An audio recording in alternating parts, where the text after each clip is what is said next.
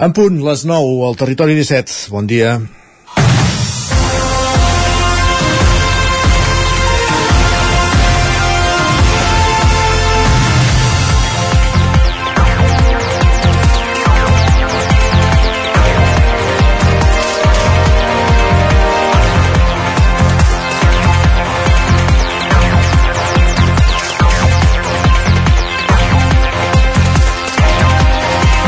El de la mobilitat és, sens dubte, un dels reptes, no ja de futur, sinó de present, més enllà del tren, que hauria de ser sinònim d'un transport eficient i modern, pel volum de viatgers que per, per transportar i les possibilitats de reducció de la, de la petjada energètica. I com a exemple ens podem fixar en els autocars que necessitem ara per substituir trens perquè la línia està tallada però també per resoldre dèficits en comarques rurals on el transport públic és una quimera. Per això és important iniciatives com el projecte Beyond the Urban, que es presentava a Vic i que Osona liderarà a nivell europeu. Treballaran conjuntament fins l'any 2025 per desenvolupar amb el suport de fons europeus plans integrals que permetin instaurar la mobilitat sostenible entre les zones rurals i els centres urbans dels respectius territoris. A Osona l'objectiu és resoldre grans reptes com el desdoblament de la línia R3, l'aplicació de les zones de baixes emissions a Vic i Manlleu, la reducció de la contaminació atmosfèrica i trobar les fórmules sostenibles que permetin als habitants dels pobles més rurals anar fins a grans centres urbans com Vic i Manlleu i també en els desplaçaments cap als polígons industrials. La comarca vol definir aquest full de ruta per tenir clares les pautes a seguir quan l'any 2028 venci l'actual concessió del transport interurbà per carretera que depèn de la Generalitat. Hi ha temps per fer la feina i la part positiva és que hi ha voluntat política per fer-la. És dimecres 29 de novembre de 2023 en el moment de començar el Territori 17 a la sintonia de la veu de Sant Joan, Ràdio Cardedeu, on Codinenca, Ràdio Vic, el 9 FM, també ens podeu veure, ja ho sabeu, a través de Twitch, YouTube, Televisió de Cardedeu, el 9 TV i la xarxa més. Territori 17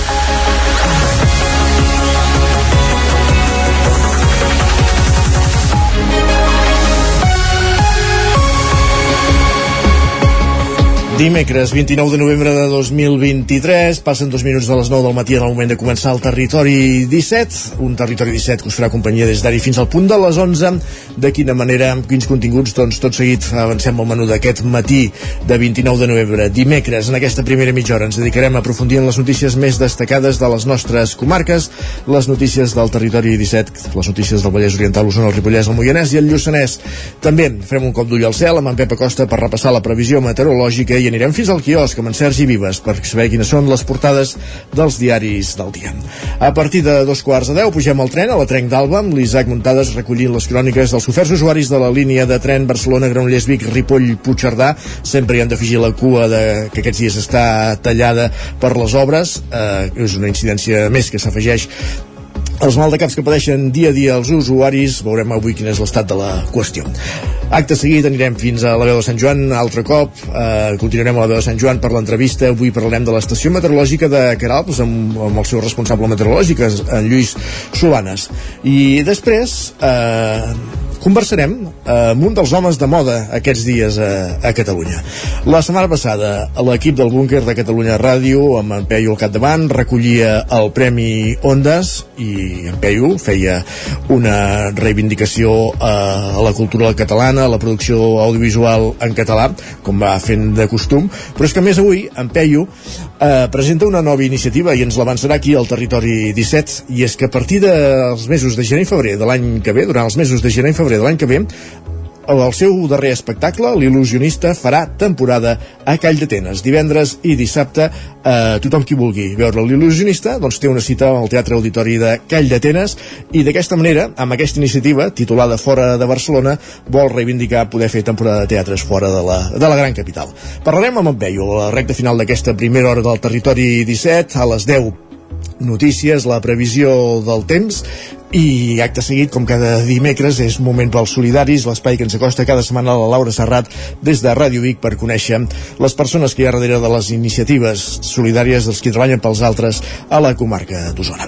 I a partir de dos quarts d'onze, com cada matí ens endinsem a Twitter, és dimecres torn per l'alegria interior amb en Jordi Soler i acabarem el programa al Lletra Ferits i avui parlarem eh, amb el responsable de l'editorial Alpina, en Josep Maria Masac, sens dubte una de les referències en el món món de, de les guies de, de muntanya, dels mapes de muntanya, eh, l'editorial Alpina, nascuda al Vallès Oriental, i que avui serà la protagonista també del Lletra Ferits. I ara, quan passen 5 minuts de les 9 del matí, ens posem en dansa repassant les notícies de les nostres comarques, les notícies del territori 17, que no són altres que les notícies del Vallès Oriental, Osona, el Ripollès, el Moianès i el Lluçanès. Territori 17.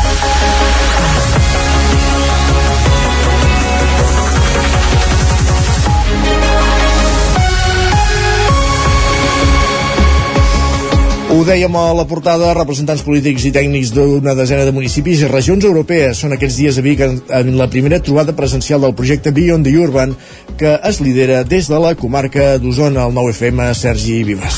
Treballaran conjuntament fins al 2025 per desenvolupar amb el suport dels fons europeus plans integrals que permetin instaurar la mobilitat sostenible entre les zones rurals i els centres urbans dels respectius territoris. Osona lidera aquest projecte en què hi ha grans assignatures pendents com compartides per part de tots els participants. Són la reducció de l'ús del vehicle privat i com establir un transport públic eficient a les zones rurals. A Osona, Beyond the Urban ha de permetre resoldre gran, grans reptes com el desdoblament de la R3, l'aplicació de les zones de baixes emissions a Vic i a Manlleu, la reducció de la contaminació atmosfèrica i trobar les fórmules sostenibles que permetin als habitants dels pobles més rurals anar fins a les grans, als grans centres urbans com Vic i Manlleu i també en els desplaçaments cap als als polígons industrials. La comarca vol definir aquest full de ruta per tenir clares les pautes a seguir quan l'any 2028 venci l'actual concessió del transport interurbà per carretera que depèn de la Generalitat. Arneu Bascos, el conseller de Mobilitat del Consell Comarcal i Albert Castells, l'alcalde de Vic. Cada municipi, cada racó de la comarca eh, té els seus casos particulars i entenem que per partir d'un bon consens hem de fer una feina molt interna eh, que ens permeti això, tenir aquest, aquest, eh, aquest uh, horitzó 2028 per continuar sent aquesta comarca equilibrada i no convertim l'eix de la C-17 en, una, en un pol d'atracció que ja ens està passant una mica amb el, amb el president i alcalde Sant Hipòlit en parlàvem ahir no? que som captadors de, de, de residents i tenim el risc de despoblar el nostre món rural. Des d'Urbac destaquen altres potencialitats de Vic i d'Osona, com les iniciatives del bicibús, perquè els infants vagin amb bicicleta a l'escola que funcionen a diferents municipis de la comarca. Parlem ara, gràcies Sergi, parlem ara de recollida selectiva de recollida de residus, perquè creen una nova àrea d'emergència ubicada a Sant Julià del Fou, a Sant Antoni de Vilamajor, per donar cobertura als disseminats i les masies i, i veïnat de la zona. Enric Rubio, Ràdio Televisió Cardedeu. Així és, Isaac, i aquesta complementarà l'àrea d'emergència ubicada al carrer Sant Jaume i instal·lada a finals de l'any 2021 s'ha creat amb la finalitat de facilitar la recollida de residus de les masies i els disseminats de la zona, així com donar cobertura al veïnat de les urbanitzacions, que també la poden utilitzar en cas d'emergència, sempre que no puguin complir amb els horaris establerts de la recollida selectiva porta a porta. Fins ara, els disseminats i masies de la zona feien ús de l'àrea d'emergències de disseminats de Cardedeu, fruit del conveni amb l'Ajuntament de la Vila per al seu ús temporal i fins a l'instal·lació d'aquesta nova àrea a Vilamajor. El funcionament d'obertura és el mateix que la del nucli i l'ús d'aquesta àrea és restringit, exclusiu per a residus domèstics i només per a veïns i veïnes del municipi i disponible de dilluns a diumenge de 6 a 10 del vespre. En el cas dels habitatges del nucli i de les urbanitzacions, tenen establert poder utilitzar aquest servei un màxim de 15 vegades l'any i pel que fa als disseminats i masies s'estableix un màxim de 3 cops per setmana, tenint en compte que ells no disposen de la recollida selectiva porta a porta. Finalment, des de l'Ajuntament demanen la col·laboració i implicació dels veïns i veïnes en la utilització d'aquesta segona àrea per fer-ne un ús responsable i recorden que els abocaments incívics estan subjectes a sancions que s'aplicaran sense excepció. Gràcies, Enric. El porteu de Junts a Tradell, Santi Estregués, presentarà la dimissió com a regidor els propers dies. Sergi. Ho va fer públic ahir a través d'una carta en què assegura que la decisió ha estat meditada amb el grup tenint en compte també els resultats de les eleccions del maig. Diu que ha perdut part de la il·lusió per continuar liderant el projecte i que deixa un equip amb energia i gent il·lusionada i disposada a treballar jo sempre he posat sobre la balança de que jo sempre dic que em presentava per ser l'alcalde de Taradell i no puc pas dir el contrari que així ho vaig fer-ho fa 4 anys i que he estat 4 anys eh, com a cap de l'oposició on he après molt i on ha sigut una experiència magnífica però que aquest cop crec que al final la meva trajectòria acabava aquí, si aquest era el resultat i que per tant creia que era bo hi havia algú que tenia ganes d'entrar disposat doncs, a seguir, si més no, aquests 4 anys que, que era ara d'oposició i doncs a poder preparar unes futures eleccions doncs jo estava encantat de que hi pogués haver-hi doncs una persona que entrés Estragués va entrar al consistori el 2015 com a regidor de Cultura i es va presentar com a candidat de Junts el 2019 quan el seu grup va passar a l'oposició amb la victòria d'Esquerra Republicana. Aquest 2023 els resultats van ser similars. Un cop plegui, la número 2, Araceli Garcia, assumirà les tasques com a portaveu. L'acte de regidor que quedarà vacant l'ocuparà Xavier Codinacs, que anava de número 11 en la llista de Junts a Taradell en les eleccions del 28 de maig. Més qüestions. El ple de l'Ajuntament de Torelló aprova una modificació del pressupost d'un milió dos-cents mil euros en què s'hi contemplen 382.000 euros per acabar de fer front a les despeses de subministraments de llum i gas dels diversos edificis municipals a causa de l'augment de costos. L'augment dels costos de subministraments d'electricitat i gas d'equipaments municipals com les mateixes dependències de l'Ajuntament, escoles, l'arxiu, el teatre, el museu o la biblioteca ha obligat el consistori a augmentar aquestes partides fins a 382.000 euros. Aquesta quantitat es va incloure en la modificació del pressupost d'1,2 milions d'euros que va aprovar el ple d'aquest dilluns amb els vots favorables del govern d'Esquerra que va tenir el suport de la CUP i Junts. Escoltem a Jordi Rossell de Junts i Joan Conill de la CUP. En el pacte de pressupostos que vam signar els dos grups dèiem que fins a final d'any no ens oposaríem a cap modificació de pressupost que fos ampliar partides amb diners provinents del romanent. Votem a favor, tot i que creiem que és necessari i indispensable eh, mirar de reduir les despeses sobretot en aigua i això per part de l'Ajuntament i buscar eh, que els consums es regulin dels 1,2 milions, 475.000 euros són d'incorporació de romanent i 788.000 provenen de préstecs que no aplicaran en inversions previstes dins del pressupost d'aquest any i que no s'executaran fins l'any vinent. Així, el que es preveia, per exemple, per reformar el mercat municipal o la nau de carrossaires es destinarà a la substitució de les calderes del pavelló i al camp de futbol per comprar un pis per destinar-lo a habitatge social o pel projecte de reforma del teatre.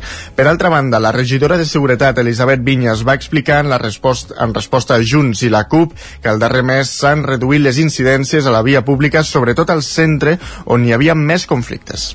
Els números estan baixant. Evidentment que si n'entren en una casa eh, és un incident important, però és veritat que han baixat.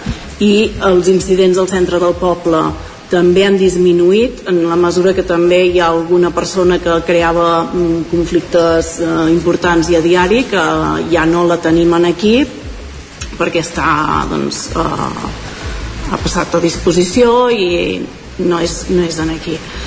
Pel que fa al repunt de robatoris, des del consistori van detallar que també s'ha reforçat la tasca preventiva per part dels Mossos.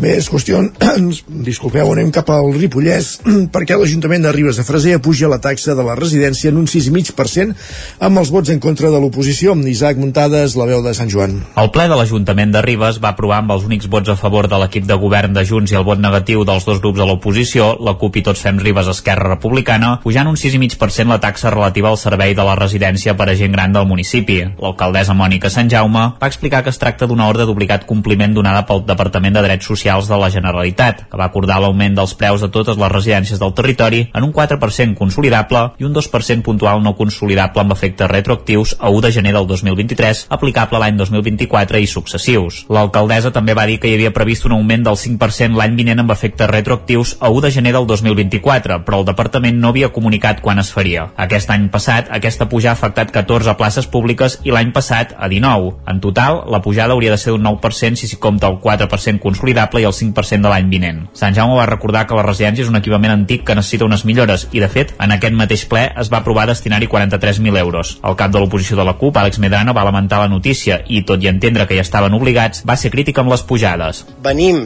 d'un darrer ple on ja vam pujar l'IBI i vam pujar també la taxa d'escombraries, però sí que estàvem contents perquè en el darrer ple vam ampliar a places públiques de la residència i no han passat ni dos mesos que ens trobem aquesta notícia que hem d'aplicar l'augment de la taxa però nosaltres considerem que, per exemple, hi ha uns determinats costos que ens comporta, per exemple, els actes culturals, la festa major, o determinades modificacions que s'han anat fent al llarg de l'any, que és un sobrecost de molts diners que potser, si haguéssim gestionat d'una altra manera, potser podríem eh, rebaixar aquests, aquests augments o no haver-los d'aplicar a les famílies, no? Medrano va recordar que Ribes té una població envellida i el poble projecta un model molt encarat al turisme quan hi ha més necessitat de places de residència. L'alcaldessa va explicar que hi ha molts actes culturals que reben subvencions molt altes com el Ribes en Xerina, que va rebre un suport econòmic del 80% procedent de fora del consistori. Com casa, la desestacionalització del turisme i l'oferta d'activitats de qualitat amb baixar la partida d'actes culturals, perquè li, li asseguro que ens estem trencant les banyes, eh? I que ho estem fent i que l'estem reduint. L'equip de govern se'n sent orgullós, tant aquest com l'anterior, d'haver desestacionalitzat totes aquestes activitats, perquè no ha estat fàcil treballar amb aquesta oferta d'actes culturals. Tornant a la taxa de la residència, el regidor d'Esquerra, Joaquim Roquer, va dir que aquest augment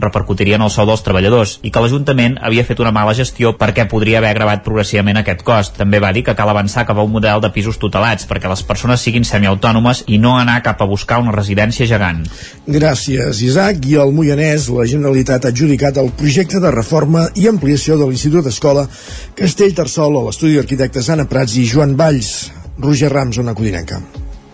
Exacte, bon dia. El projecte d'ampliació de l'Institut Escola de Castellterçol plantejava inicialment guanyar espai en alçada amb la construcció d'un tercer pis. Finalment, però, no serà així, ja que s'ha optat per construir un nou espai com a edifici annex a l'actual centre. Pau Gaitan, director de l'Institut Escola de Castellterçol, recorda que aquesta obra és una reivindicació històrica tant del centre com també del poble aleshores no constarà d'una pujada, diguéssim, de, uh -huh. no serà un pis més, sinó que serà una ampliació cosa que realment com a centre doncs, és una demanda que és gairebé històrica, però també per tenir unes, unes instal·lacions doncs, que s'adequin una mica a les demandes de l'alumnat i en aquest sentit doncs, el Departament d'Educació està, està responent positivament. No? Tot i aquest avenç, la desaparició dels barracons encara haurà d'esperar. Des del Departament d'Educació calculen que les obres encara trigaran 3 anys a acabar-se. Mentrestant, el centre encara tindrà els alumnes dividits entre l'actual edifici de l'escola i els barracons. No, nosaltres tenim les dues seus, seus separades a, a un quilòmetre.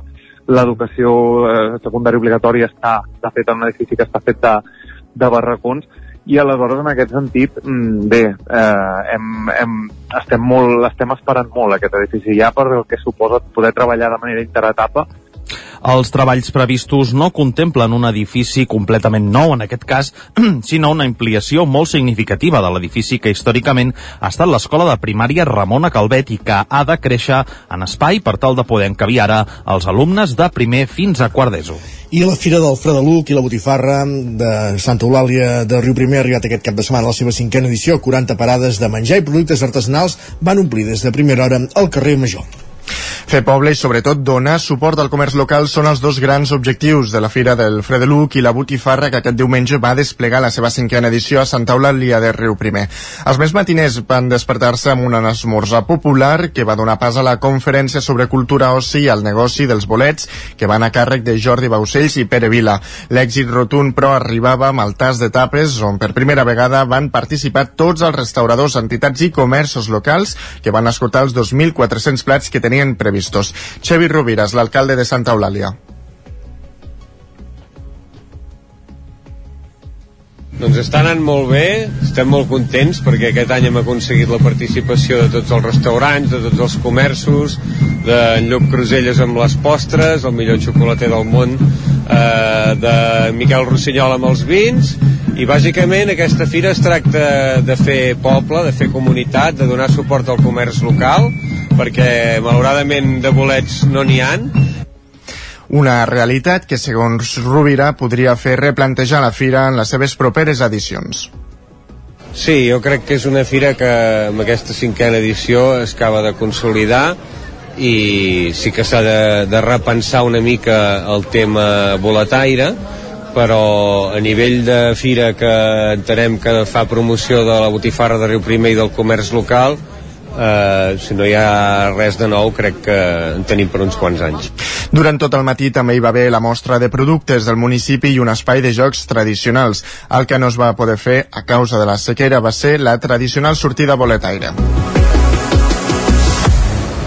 Gràcies, Sergi. Acabem aquí aquest repàs informatiu que començàvem amb el punt de les 9 en companyia de Sergi Vives, Isaac Muntades, Roger Rams i Enric Rubio. És moment al territori 17 de saludar també en Pep Acosta.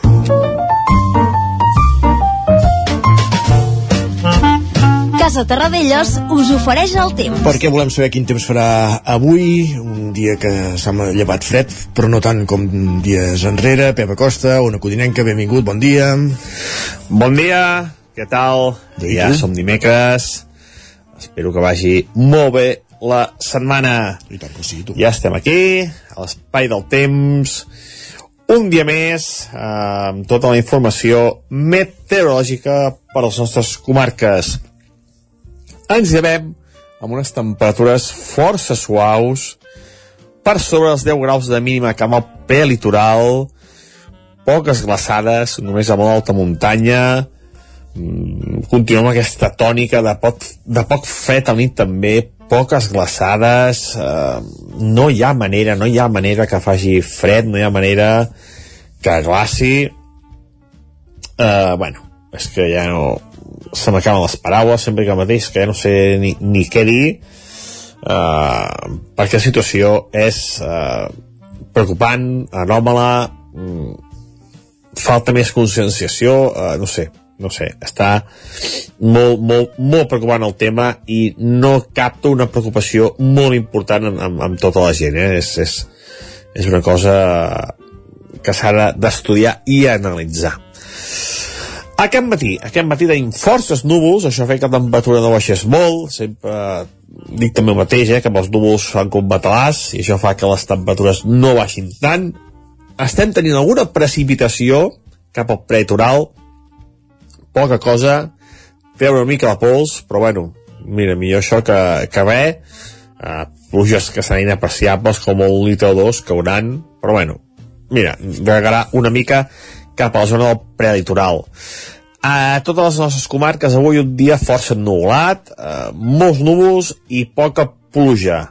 I les temperatures més baixes. L'estat ennuvolat de dia, eh, això també farà que li costi el termòmetre pujar, moltes màximes entre els 13, els 15, 16 graus, eh? un ambient eh, propi de tardor, però bueno, però tampoc no serà excessivament fred els vents més febles, ahir van treure una mica de tramuntana, una mica de, de mestral, en algunes zones va fer una mica de vent, avui els vents encalmaran.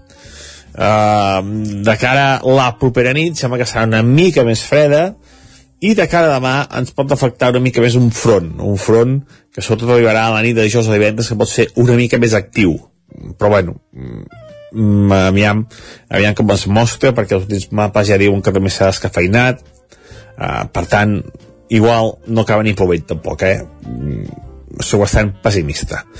I això és tot. Uh, avui com deia un dia amb molts núvols alguna pluja va prelitoral i les temperatures força fresques durant el dia moltes gràcies i fins demà, que vagi bé adeu Gràcies a tu, Pep. Ens retrobem demà. Demà no. Ens retrobem d'aquí una estoneta a les 10, després de les notícies a les 10. I ara el que fem és anar cap al quiosc. Casa Tarradellas us ha ofert aquest espai. Mig quart per ser dos quarts de 10 del matí.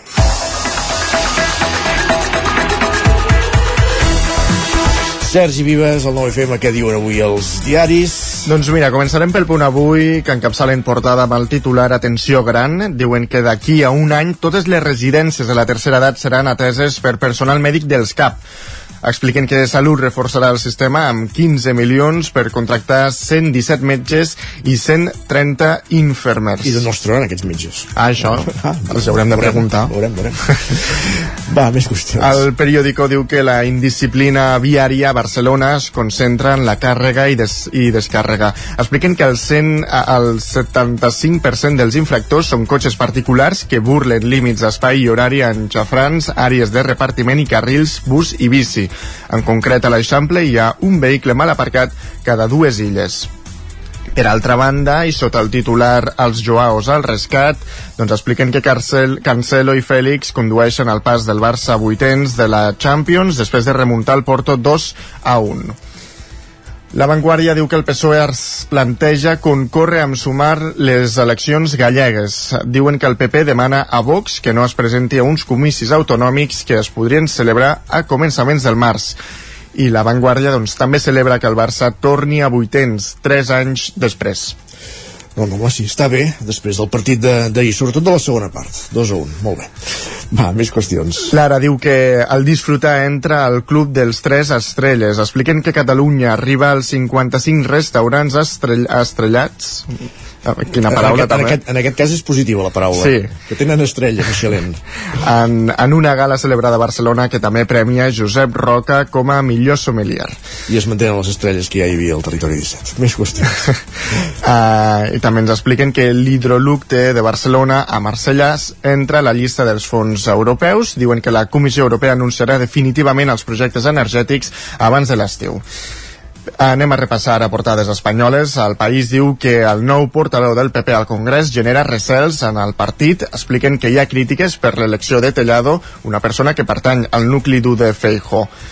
L'ABC diu que la Guàrdia Civil reconeix en un informe que utilitza balises prohibides. Expliquen que l'ofici de la policia judicial identifica un dels 1.600 dispositius de seguiment xinesos que van acabar hackejats pels narcos.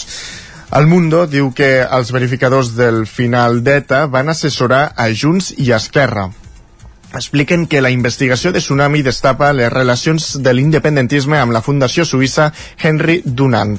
Diuen que Marta Rovira i Josep Lluís Alai van ser els encarregats d'organitzar trobades per parlar del projecte.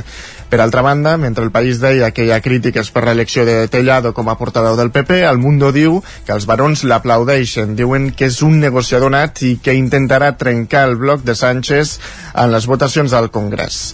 I acabem amb la Razón, que diu que hi ha dubtes sobre la validesa de l'informe de l'amnistia. Expliquen que els lletrats... Home, per favor, venint de la Razón no podíem esperar menys.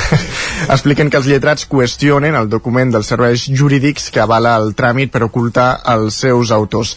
Diuen que el secretari general assumeix la polèmica nota, tot i que reconeix que s'ha elaborat amb més gent. I, per altra banda, diuen que el papa l'udeix parlar sobre els abusos o el govern en la seva reunió amb els bisbes bisbes. Expliquen que els insta a que fusionin els seminaris i a que formin sacerdots madurs. Gràcies, Sergi. Ràpidament repassem digitals a l'edició d'Osona i el Ripollès del 99.cat. Doncs com us explicàvem eh, abans, Osona lidera un projecte europeu per fer la transició cap a la mobilitat sostenible. Beyond the Urban es diu. I a l'edició del Vallès Oriental? Doncs ens expliquen que els treballadors de Montserrat Montero es concentren a Granollers per demanar millores salarials. Doncs queda tot recollit, gràcies Sergi. A tu. Nosaltres el que fem tot seguit és una petita pausa, 3 minutets i tornem amb la resta de continguts d'aquest matí aquí, al Territori 17. Fins ara mateix. El nou FM, la ràdio de casa, al 92.8.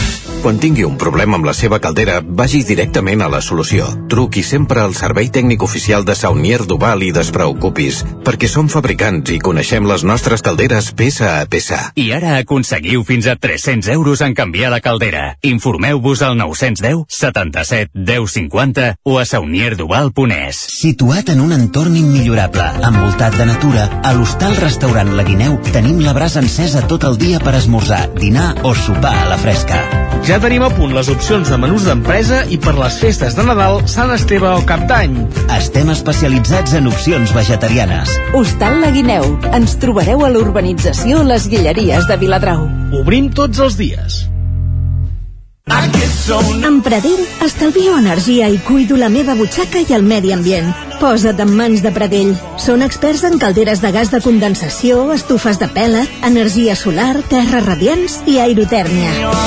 Pradell instal·la aires condicionats amb bombes de calor per a particulars i empreses. Si vols estalviar un 50% en consum, contacta amb Pradell i passa't a les energies renovables. Pradell. Som a l'Avinguda dels Països Catalans 27 de Vic. Telèfon 93 885 1197. Pradell.cat la qualitat de les teves impressions és important per tu? Estàs cansat que els colors i les imatges no surtin com t'esperes?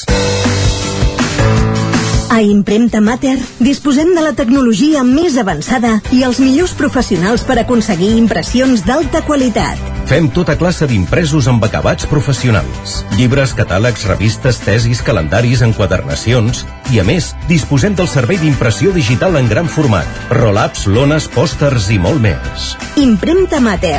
Ens trobaràs a la carretera de Sant Hipòlit 23 de Vic o impremtamater.com Per moure't, lloga un cotxe ALR. Per moure la família, lloga un minibús ALR. Per moure coses, lloga una furgoneta ALR. Per moure la casa, lloga un camió ALR. Lloguer de cotxes, furgonetes i camions ALR.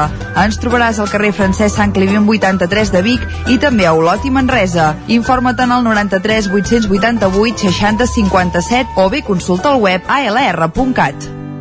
Ser a prop vol dir veure les coses més bé.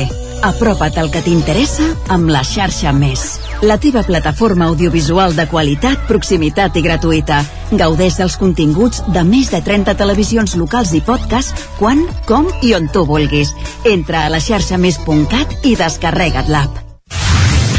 El nou FM, el nou FM, el nou FM, el nou FM, el nou FM. Territori 17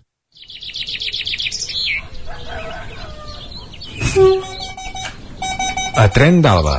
Cada dia els usuaris i usuàries de la línia R3 de Rodalies que veuen sortir el sol des d'un vagó ens expliquen les gràcies i les penes del primer comboi que uneix Ripoll i Barcelona o les feixugues jornades amb el tren després de treballar. Benvinguts a Tren d'Alba. Avui m'agradaria destacar una piulada d'en Meteo Mauri a la xarxa social X, en què diu que qui es desplaça en cotxe no és conscient de la importància del transport públic i les seves xifres. En el cas de Rodalies hi ha 108 milions de viatgers anuals, que això equival a l'ús de 72 milions de vehicles i un estalvi d'emissions de més de 777.000 tones de diòxid de carboni. És important agafar el transport públic. Des d'aquesta secció sempre ho hem defensat, però també hem dit que ha de funcionar, perquè si és com la línia R3 de Rodalies, estem arreglats. La impuntualitat per culpa moltes vegades de retards injustificats fa que molta gent baixi del carro i pugin al carro, com dirien a l'Amèrica Llatina. Va, ens retrobem demà amb més històries del tren i de l'R3. Territori 17 Un minut que passa de dos quarts de deu al matí.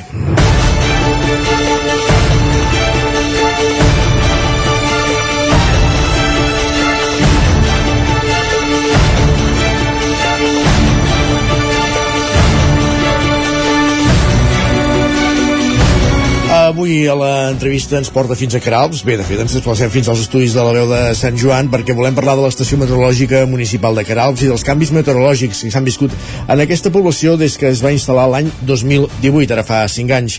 Isaac Muntades, la veu de Sant Joan. Bon dia, Isaac. Sí, i per fer-ho avui ens ha vingut des de la comarca d'Osona, en Lluís Solanes, per tant li agraïm que, que sigui aquí, que ell és el responsable de l'estació meteorològica municipal de, de Canals, que, però que està gestionada per Meteo Guilleries. En concret porten tres estacions meteorològiques d'Osona, dos de la Selva, dos del Vallès Oriental, una del Berguedà i també en porten una de, del Maresme. Bon dia, Lluís, i moltes gràcies per ser al Territori 17 amb nosaltres. Hola, bon dia, gràcies a vosaltres. Uh, en primer lloc, Lluís, uh, comentàvem això, eh? Aquesta estació es va instal·lar l'any 2018. Com sorgeix l'oportunitat de, de Meteo Guilleries per, per fer una estació meteorològica a Canals? Perquè, com dèiem, una mica l'abast de Meteo Guilleries sobretot és a, a Osona. Hem escoltat que hi ha altres uh, estacions en comarques veïnes, però com, com arriba al Ripollès?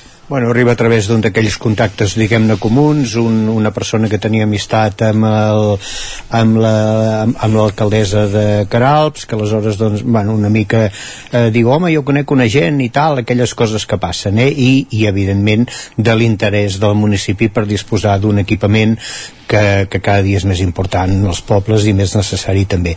Aleshores, doncs, arran d'aquest contacte, nosaltres eh, se'ns proposen a nosaltres, parlem amb, amb l'Ajuntament, veiem la possibilitat i la viabilitat del projecte i a partir d'aquí l'engeguem a l'any 2018. Aquesta instal·lació eh, la vas muntar tu mateix, Lluís, eh, l'any 2018. Eh, que, de què consta, diguéssim, que, que hi vau posar?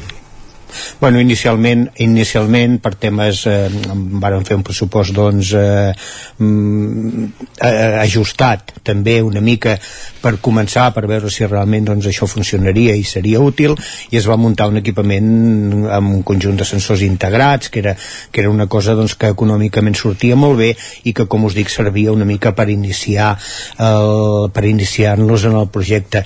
Es va muntar aquesta estació a sobre del dipòsit de l'aigua que és la, a la part més alta, més elevada del municipi i, eh, i aprofitant aquesta, aquest equipament també es van muntar dues càmeres d'imatges molt xules que, que una d'elles doncs, mira cap al cantó de Ribes i l'altra veu cap al Torreneules i al, i al Balandrau. Es van muntar aquests equipaments i es va començar doncs, a funcionar, com us deia, el 2018. Uh -huh. uh, tu, Lluís, em sembla que hi, hi vas sovint allà per, uh, per estar alerta de que tot funcioni. No sé si hi ha també una persona a Carals que, que ho controli, en certa manera. Bé, sí, tenim, tenim un parell de col·laboradors del, del poble que, que en el seu moment doncs, es varen ja mostrar mm, oferir com a voluntaris per aquest tema són gent doncs, que, que en algun moment donat puntual ens ajuden doncs, a nivell d'anar a comprovar doncs, que tot està funcionant perquè nosaltres des de la distància sí que veiem en la nostra plataforma si funciona o no funciona però no sabem el per què i per tant doncs, tenim un parell de col·laboradors que, que ocasionalment ens ajuden eh? però realment eh, aquests, aquest tipus d'aparells eh, és com tot, eh, la clau perquè funcionin i perquè sempre estiguin correctes doncs és, és evidentment ser-hi molt a sobre. Uh -huh.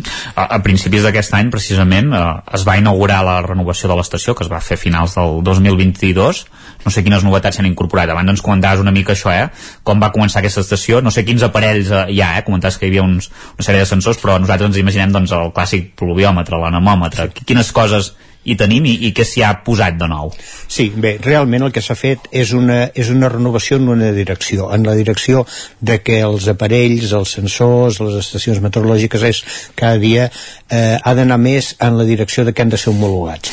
Homologats perquè això és molt important, perquè si són homologats i estan calibrats i estan eh, doncs correctament gestionats, aquelles dades que estan oferint podem tindre la certesa de que són les dades exactes o almenys exact, el més exacte exactes possible. Aleshores, una mica el que hem fet és passar d'un equipament que, que com us deia ja ens donava unes dades però no ens donava aquesta homologació, aquesta certificació que cada vegada és més necessari i més important i ho hem transformat en un equipament que aquest sí, aquest, tots els sensors estan calibrats, estan homologats i, i per tant doncs en podem donar fe. Eh, el, els sensors realment són els de sempre d'una estació meteorològica, és a dir, com bé dius, hi ha un pluviòmetre, hi ha un sensor de temperatura i humitat, hi ha un sensor de pressió atmosfèrica, hi ha un anemòmetre que ens mesura la direcció i la velocitat del vent i en alguns casos un sensor de radiació solar. És a dir, no hem canviat el conjunt no hem passat de tindre unes coses a unes altres sinó que el que hem fet és transformar un equipament que no ho era a un equipament homologat, que és com ha de ser també un equipament de caràcter municipal. Uh -huh. uh, quines característiques meteorològiques té Caralps eh, o, o el punt on hi ha l'estació, perquè el, el terme de Caralps evidentment és molt, molt ampli, no? Però quines característiques té que, que heu detectat al llarg d'aquests cinc anys? Bueno, mira, una mica ens ha passat una cosa curiosa que el mateix ens ha passat en algun altre municipi, és que hem muntat l'estació meteorològica quan tot sembla estar canviant i quan aquell clima que nosaltres tenim ja una miqueta identificat de la zona resulta que, que, que no, eh? Dic això perquè és el que ens ha estat passant en aquests últims 5 o 6 anys, de que, escolta, ha deixat de ploure, per dir-ho d'una manera d'una manera una mica, una mica grollera, no és que hagi deixat de ploure, però plou menys i, i les temperatures estan canviant. Aleshores, clar, tenim una sèrie climàtica de pocs anys en aquests equipaments, en aquestes estacions, i no són representatives del que seria el clima, i això és una cosa molt curiosa. Per exemple, clar, Caralps, evidentment, és un clima de muntanya, eh, per tant, és més humit i fred que el, que el clima mediterrani que tenim doncs, a, a la comarca d'Osona. Els hiverns són freds i els estius frescos i plujosos. Com a característica general, podríem definir el clima de Caralps així però què ens està passant? Doncs aquests últims anys, escolta'm, plou menys del que hauria de ploure, segueix plovent més a l'estiu i això, eh, i això sí que és una cosa doncs, que, que realment una mica, una mica no, no, no deixa de ser destacable. Per exemple, una dada important escolta'm, mm -hmm. el juliol del 2020 només en un mes van caure 208 litres. Eh, la mitjana de precipitació de l'estiu són 280 litres. De mitjana de precipitació a l'estiu quan? A l'estiu, per exemple, a la comarca d'Osona sabem que plou molt poc. I Caralps, doncs escolta, com us deia, una zona plujosa més de 1.000 litres eh, a l'any, sens dubte que sí, però que aquests últims anys, com us deia, ens trobem de que aquesta mitjana està baixant perquè plou menys i les temperatures també s'estan suavitzant una miqueta. I fins i tot una cosa que era molt habitual de la zona com són les grans nevades i freqüents.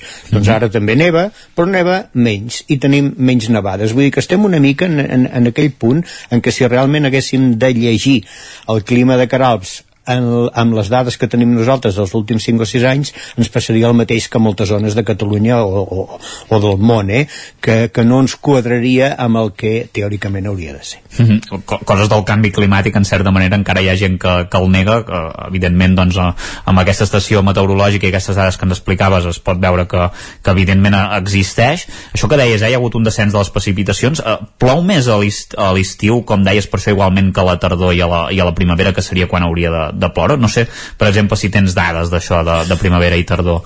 Sí, en aquí, en aquí el tema de l'estacionalitat no, no ha variat, eh? seguim tenint grans temporals, de fet és un, això sí que és de les coses que han canviat molt poc, grans temporals a les tardes d'estiu, per exemple, no fa pas gaires dies, eh, el juliol crec recordar que van caure, el juliol d'aquest any, eh?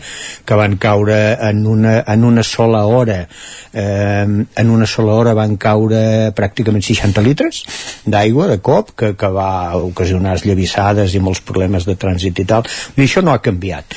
Eh, el que ha canviat és el conjunt de l'any, doncs la quantitat total de precipitacions.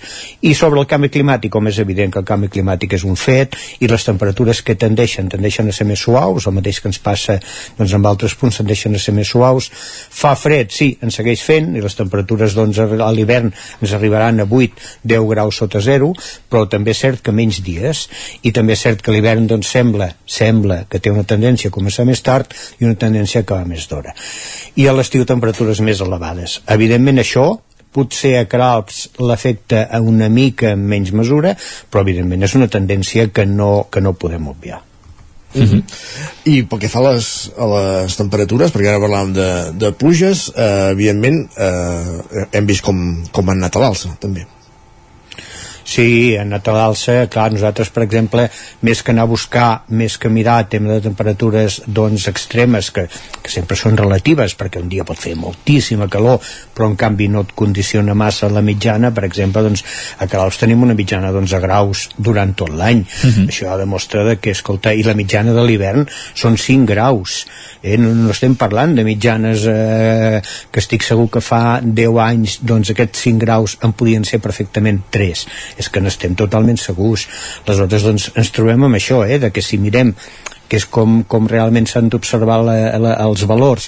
Si mirem al conjunt de tot, una sèrie continuada, que és el que realment ens marca una tendència, i és així, i com més llarga aquesta sèrie millor, i en aquest, en aquest cas, com us deia, tenim aquesta limitació d'aquests 5 anys que tenim dades, o 6, i que per tant, doncs, evidentment, les sèries s'han de mirar a, a, a més distància, però per qualsevol cas sí que s'observa aquesta tendència clara, és a dir, aquesta tendència clara de que les temperatures pugen les mitjanes eh, pugen mm -hmm. i a l'hivern fa per dir-ho d'una manera bèstia fa menys fred, està clar mm -hmm. l'estació meteorològica de Carabs eh, segurament és la que es troba més a, alçada de totes les que gestioneu no? m'imagino, és, és una cosa òbvia no sé si hi ha alguna dada que estigui directament relacionada amb l'altitud en aquest cas i evidentment això, eh, suposo que condiciona molt eh, la, que les temperatures en, en teoria haurien de ser més baixes hem, hem, ens has explicat això, que evidentment la, durant l'any són 11 graus de mitjana que segurament abans eh, devien ser menys, no? Eh, condiciona tot, tot plegat? Home, l'altitud condiciona, evidentment, perquè és com us deia abans, eh, que Caralps té un clima de muntanya, té un clima d'alta muntanya. Aleshores, eh, eh, òbviament, aquestes coses condicionen.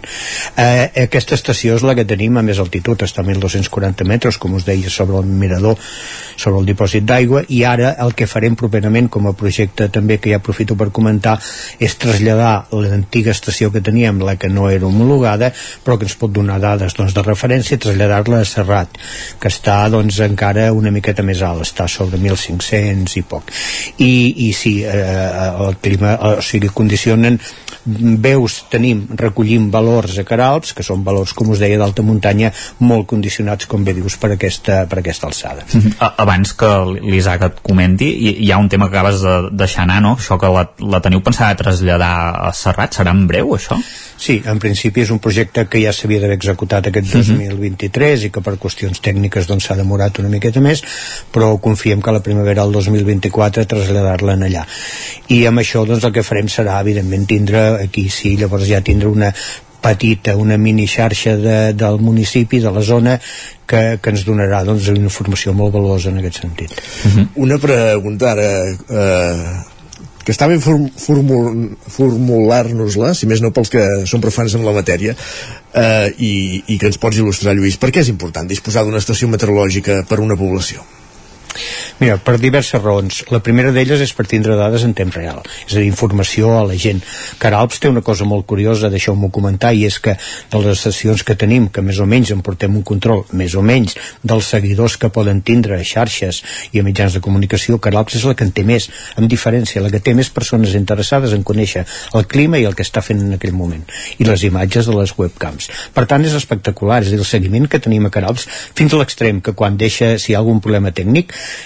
és que de seguida tenim eh, reclamacions, cosa que no ens passa en d'altres municipis.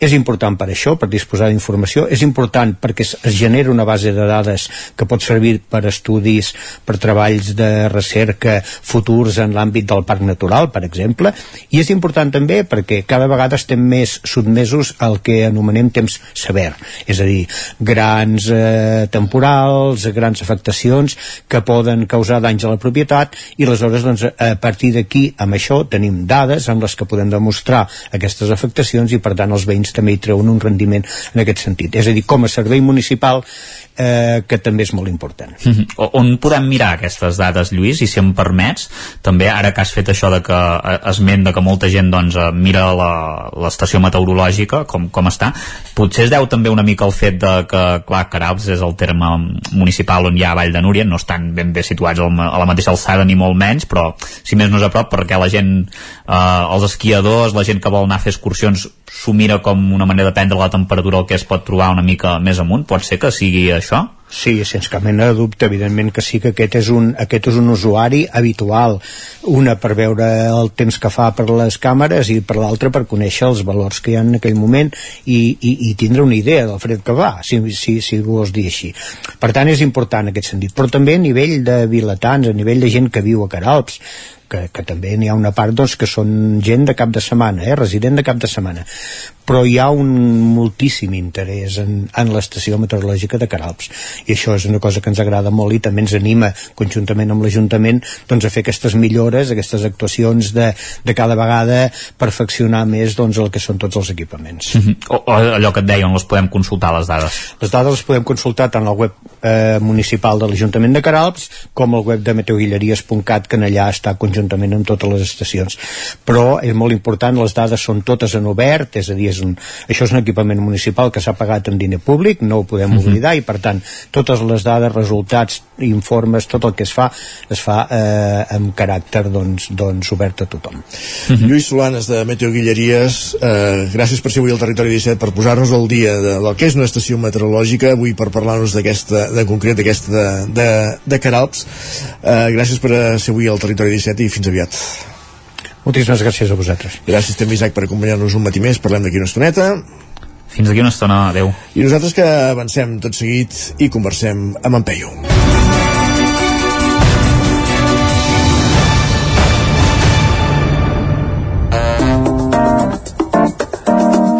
Territori 17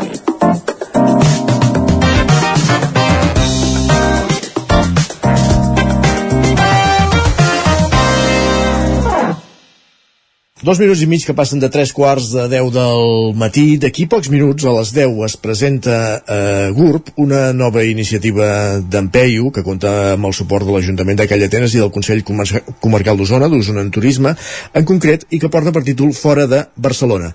Què pretén amb aquesta iniciativa Empeio? Doncs fer temporada de teatre estable fora de Barcelona, i en aquest cas fer-ho al Teatre Auditori de Callatenes, on durant els mesos de gener i febrer eh, s'hi representarà cada divendres i dissabte el seu darrer últim, el seu darrer espectacle, l'il·lusionista, que de fet ja va fer temporada a Barcelona a dos teatres diferents, ja ha fet gira per teatres, però ara farà una nova temporada estable, com dèiem, a, a Call d'Atenes.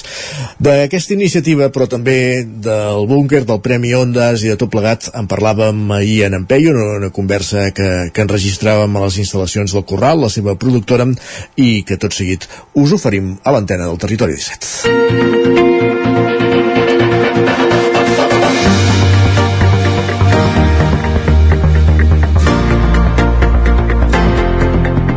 Avui hem sortit de l'estudi, però de fet no hem anat de gaire lluny, hem anat a un altre estudi de ràdio, de fet des d'aquí s'hi fa un programa que fa la setmana passada rebia un reconeixement important com és el Premi Ondas. Som a les instal·lacions de, del búnquer no direm més, no direm on, on és aquest búnquer. Acompanyats d'en de, Peyu. Lluís Uclar, benvingut, bon dia. Bon dia, què tal? Primer de tot, felicitats per aquest Ondas que recollies la setmana passada. Se n'ha parlat, molt de, se parlat molt de l'Ondas i del discurs que vas fer reivindicant la cultura catalana, una mica demanant també aquest suport que difícilment arriba des de la cultura espanyola i una mica en la línia del que t'hem anat sentint moltes vegades, no? de, de reivindicar que es pot fer cultura i que es pot fer producció audiovisual des de fora de, de Barcelona també. Sí, sí, sí. Són moltes coses, eh, que t'he posat sobre la taula, jo en soc conscient.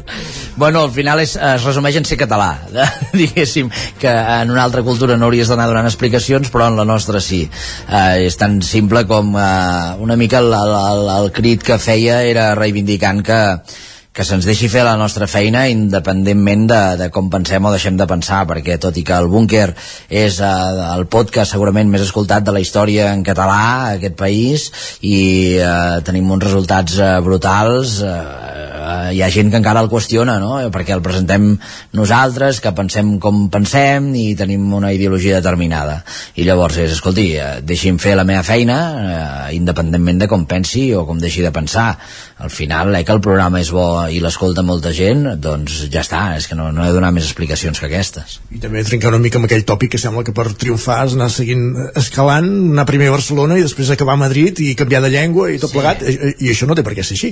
No, no, eh, sempre hi han les mateixes preguntes de us plantegeu fer-ho en castellà i tal, hòstia, no, pues no, igual que un anglès no es planteja fer-ho en castellà, no, jo, jo he nascut català, parlo català i, i uh, faig la meva feina en aquest idioma i tampoc tinc cap intenció de fer-me molt milionari i uh, fer-ho en castellà perquè guanyaré més calés i tal perquè deixaria de ser el que sóc bàsicament i entre bambalines, després de, de recollir aquest Ondes, eh, a la festa posterior, s'us va fer algun comentari al respecte?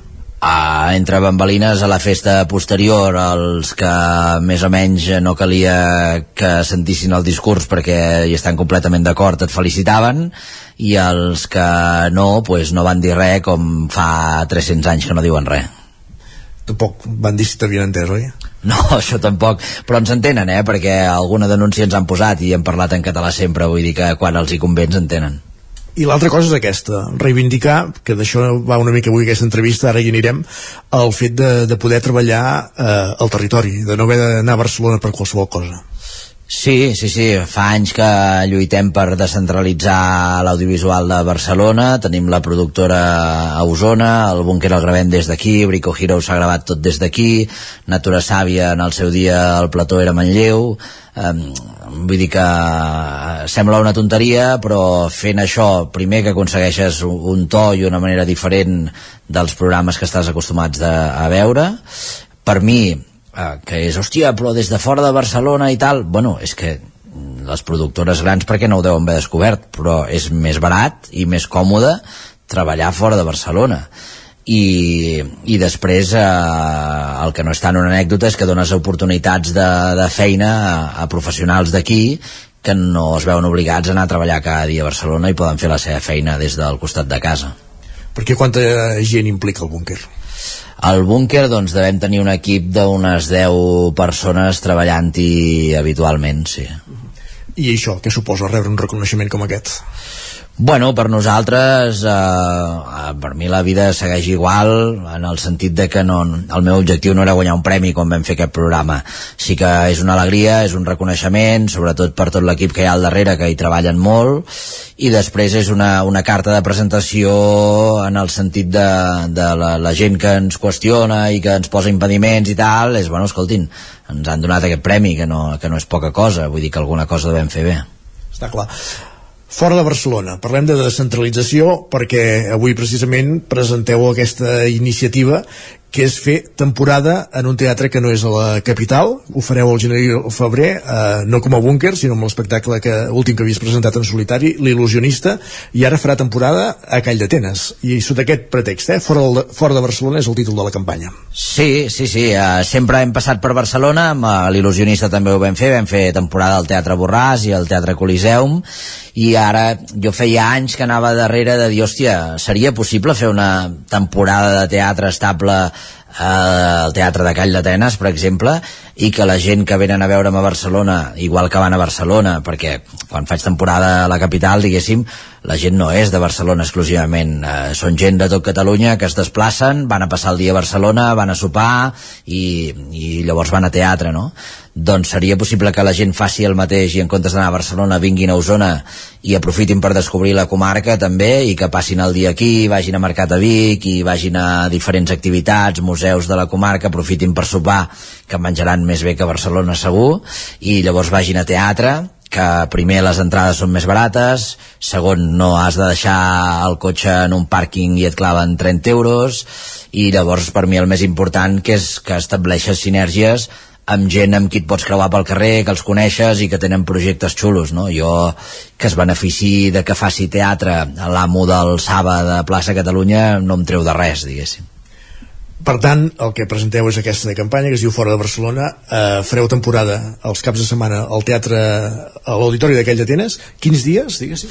Fem caps de setmana de gener i febrer, hi han totes les dates al corral.cat, que és on es poden comprar les entrades, i eh, la gràcia de la campanya també és que amb les entrades eh, tens diferents avantatges, això és un acord que hem fet amb Osona Turisme, el Consell Comarcal, que tu amb les entrades de l'il·lusionista doncs eh, tens uh, un 2 per 1 a la visita al Museu d'Art Medieval de Vic, un 2 per 1 a la visita al Monestir de Casserres, 2 per 1 en alguns allotjaments, descomptes amb vols en globus, altres activitats, eh, bueno, és una mica aprofitar que estàs venent alguna cosa més que una entrada de teatre, no? Estàs uh, donant a conèixer la comarca i això ara ho deies, eh? impliquem també s'implica també el Consell Comarcal, Osona Turisme i en certa manera l'Ajuntament de Call d'Atenes que hi posa la sala a, la, a la seva mesura, no? Correcte, hem, hem fet un acord a tres bandes, diguéssim, entre l'Ajuntament de Call d'Atenes, eh, Osona Turisme i nosaltres eh, per col·laborar en aquest sentit i, i poder tirar la campanya endavant, perquè no, no és fàcil, diguéssim, és, és, no sabem com anirà, és un repte fer venir la gent a Osona, jo sabia que si tornava a fer temporada a Barcelona probablement amb els números de, que teníem de l'última temporada haguéssim omplert. Això és un experiment que espero que la gent el vegi en clau de, de país, de descentralitzar la cultura i que apostin per, per això. A mi m'agradaria molt crear un precedent en el sentit de que si hi ha algun altre artista en alguna altra comarca que està fent alguna cosa pugui dir, hòstia, doncs mira, això és possible i puc fer temporada a Vilanova i la Geltrú i, i fem un acord amb els comerços del poble i tal i beneficiem la gent del nostre entorn més immediat i aquí també hi ha de jugar a la sala, no? perquè estem acostumats a, a les sales d'aquí, eh, parlem de Callatenes, però podem parlar de l'Atlàntida, del Sirvianum, que tenen una programació on cada cap de setmana hi ha uns espectacles i en certa manera ara queda hipotecada per, per aquest espectacle, però és una aposta que es fa. Sí, és una aposta que, que vull agrair al, al Teatre de Call d'Atenes i sí que és veritat que l'Atlàntida té una, una programació molt, molt més regular i segurament seria inviable.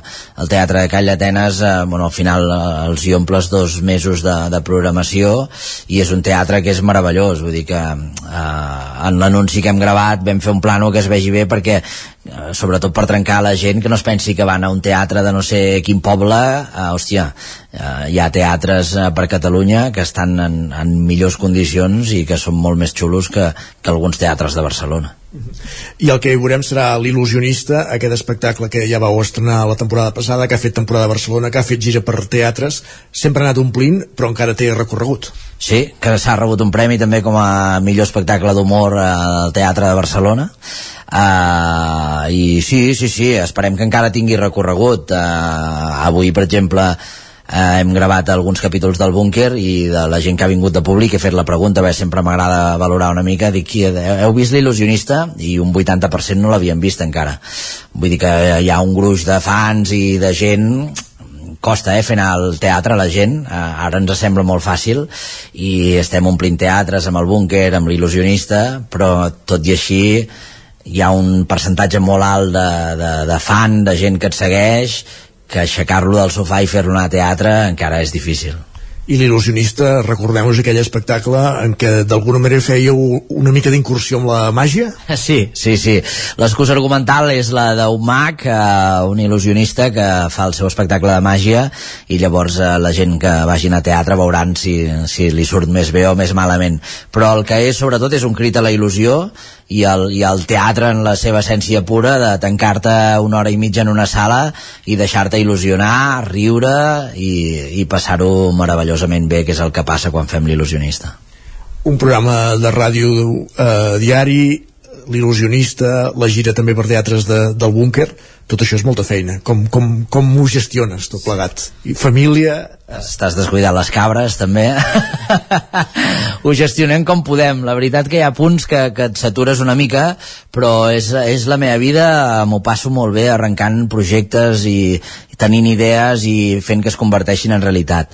No ho podria fer sense el meravellós equip que tenim, el, el nucli dur que en dic jo del Corral de l'Humor, que és la meva productora, tinc gent que, que són molt bons, que són grans professionals, que em recolzen en tot, que els hi fa molta por cada vegada que tinc una idea perquè suposa triplicar la feina, però que ho disfruten com jo, s'ho passen molt bé, i sense ells no, no, no podria fer absolutament res del que faig. Peyu, per molts anys, anirem parlant d'aquesta nova campanya fora de Barcelona, veurem com evoluciona també d'aquesta nova temporada de l'il·lusionista i que segueixis fent feina i recollint premis, evidentment. Moltes gràcies. Gràcies a vosaltres.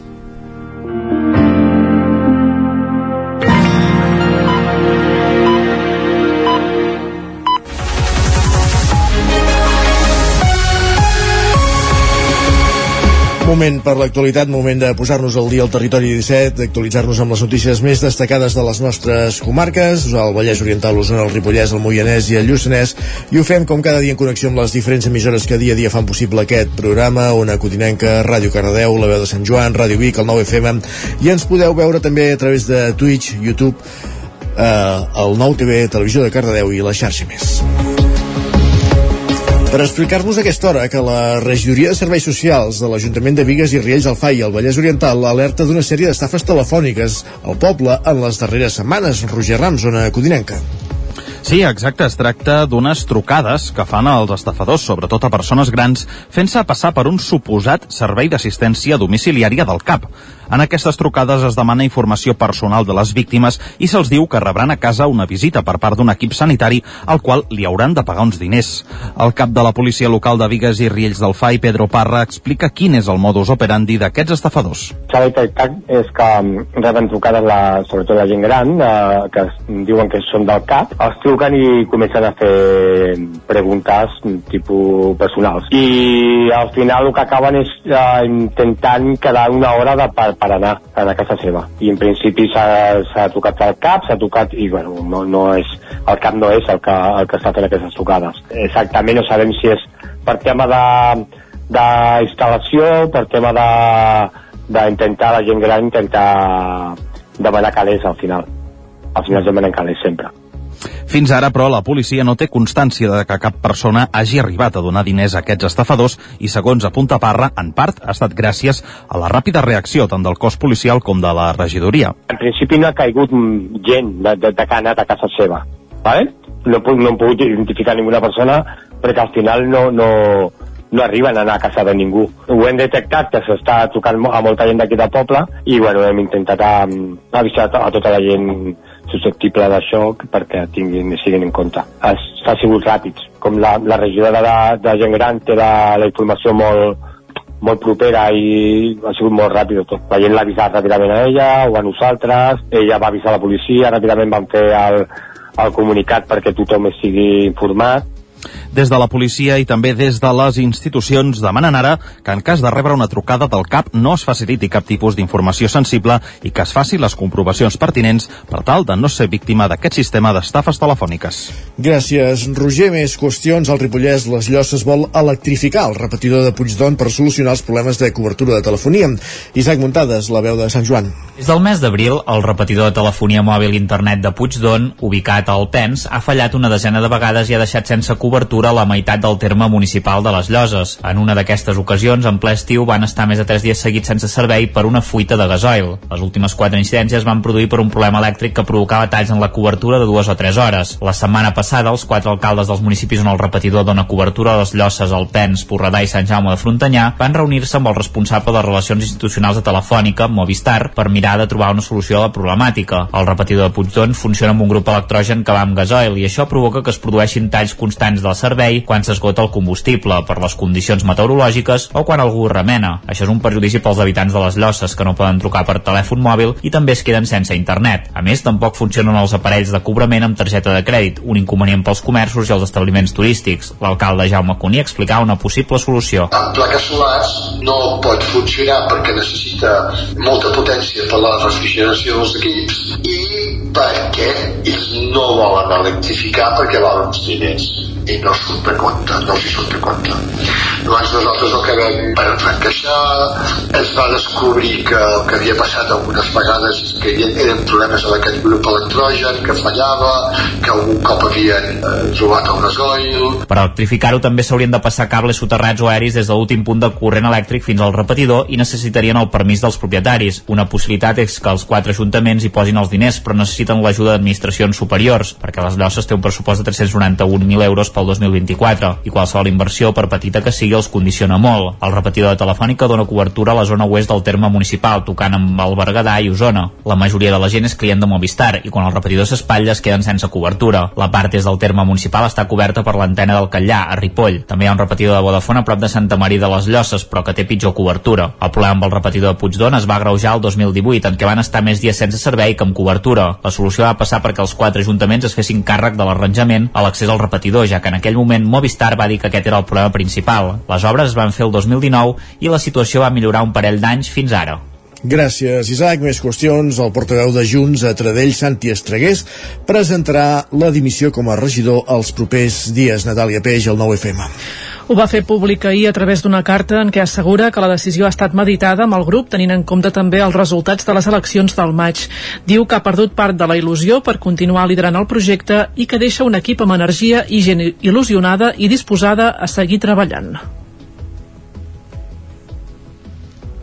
Jo sempre he posat sobre la balança de que jo sempre dic que em presentava per ser l'alcalde de Taradell i no puc pas dir el contrari que així ho vaig fer-ho fa 4 anys i que he estat 4 anys eh, com a cap de l'oposició on he après molt i on ha sigut una experiència magnífica però que aquest cop crec que al final la meva trajectòria acabava aquí, si aquest era el resultat i que per tant creia que era bo hi havia algú que tenia ganes d'entrar disposat doncs, a seguir, si més no, aquests 4 anys que, que era ara d'oposició i doncs a poder preparar unes futures eleccions doncs jo estava encantat de que hi pogués haver-hi doncs, una persona que entrés Estregués va entrar al consistori el 2015 com a regidor de Cultura i es va presentar com a candidat de Junts el 2019 quan el seu grup va passar a l'oposició amb la victòria d'Esquerra Republicana.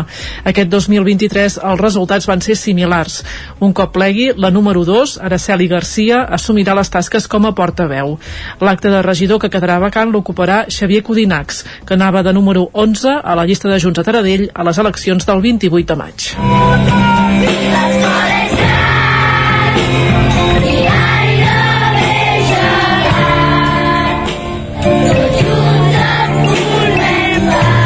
L'estrena de la cançó del centenari, aquesta que sentim de fons, va culminar els actes de celebració del centenari de les escoles de Gurb, Natàlia.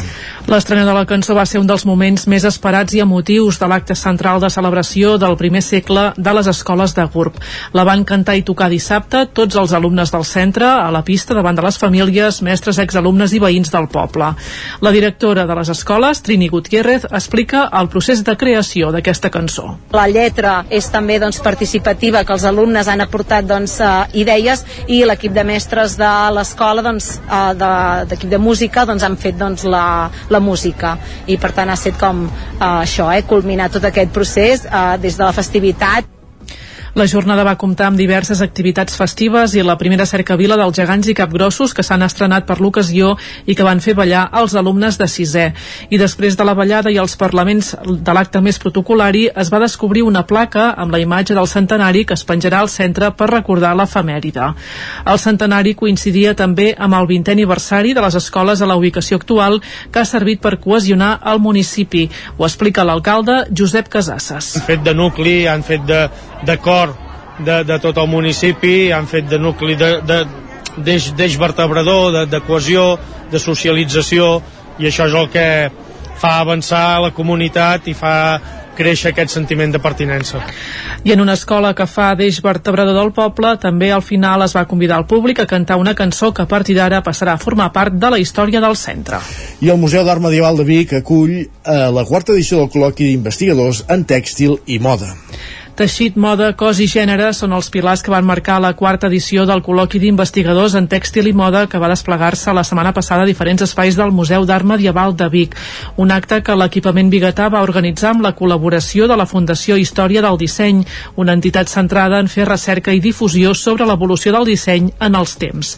La seva presidenta, Isabel Campi, parlava de la importància que aquests quatre factors, el teixit, la moda, el cos i el gènere, han tingut al llarg de la història a l'hora de configurar identitats. Bueno, la identitat és cultural, social i de gènere. Eh? Són, són tres tipus d'identitat. Eh, el que portes et, et, et defineix socialment eh, com, quina que ocupes en la societat, quin és el teu gènere, quina és la teva cultura, és a dir, el, a veure, el, el cos és el suport del vestit. O sigui, el vestit per aguantar-se necessita el cos. I al mateix temps el cos necessita el vestit per protegir-se, però també per significar-lo culturalment. O sigui, ens, ens vestim per significar-los culturalment i socialment. Això a tota la humanitat. És un dels grans temes que va tractar-se al col·loqui on experts de Catalunya, de l'estat espanyol i també de països de l'Amèrica Llatina van reflexionar sobre diferents èpoques, des de la medieval fins a l'actualitat. Que l'acollís al Museu d'Art Medieval no és casualitat, i és que l'equipament biguetà, adherit a la xarxa de museus tèxtils de Catalunya, compta amb una àmplia col·lecció de vestits litúrgics. En parla la conservadora del museu, Judit Verdaguer. Uh, sí, s'ha parlat de, del vestit uh, històric, el vestit litúrgic, sempre i quan uh, uh, tingui contacte amb el cos. Eh? Qualsevol indument, sigui de l'edat antiga, medieval, modern o actual, i com s'adapta doncs, el teixit al cos al llarg de les èpoques. Entre dijous i divendres, als diferents espais del museu s'hi van fer una quinzena de conferències. I en la plana esportiva, parlem d'un equipament esportiu perquè eh, a les Pongoles de Sant Antoni de Vilamajor acaben d'estrenar un nou skate park que complementa la pista de patinatge de la Pineda Enric Rubio de Ràdio Televisió Cardedeu. Així és, Isaac, i consta d'un total de 6 mòduls que permeten un circuit per a totes les edats i amants dels esports sobre rodes. Com dèiem, els treballs han consistit en la col·locació de 6 mòduls diferents i ubicats dins la pista de patinatge de la Pineda de lliure accés, fet que ha ajudat a potenciar i ampliar la pista de patinatge i promoure l'activitat física i esportiva de totes les edats en aquesta zona, especialment pels amants i practicants dels esports sobre les rodes de patins en qualsevol de les seves formes. L'import final de l'obra ha estat de 14.951 amb 97 euros i des del consistori esperen que tingui molt bona acceptació i demanen als usuaris que se'n faci un bon ús de les instal·lacions i respectin l'entorn. Gràcies, Enric. Acabem aquí aquest repàs informatiu que començàvem al punt de les 10 en companyia de Natàlia Peix, Enric Rubio, Roger Rams i Isaac Muntades. Moment al territori 17 de parlar del temps. Saludem tot seguit en Pep Acosta.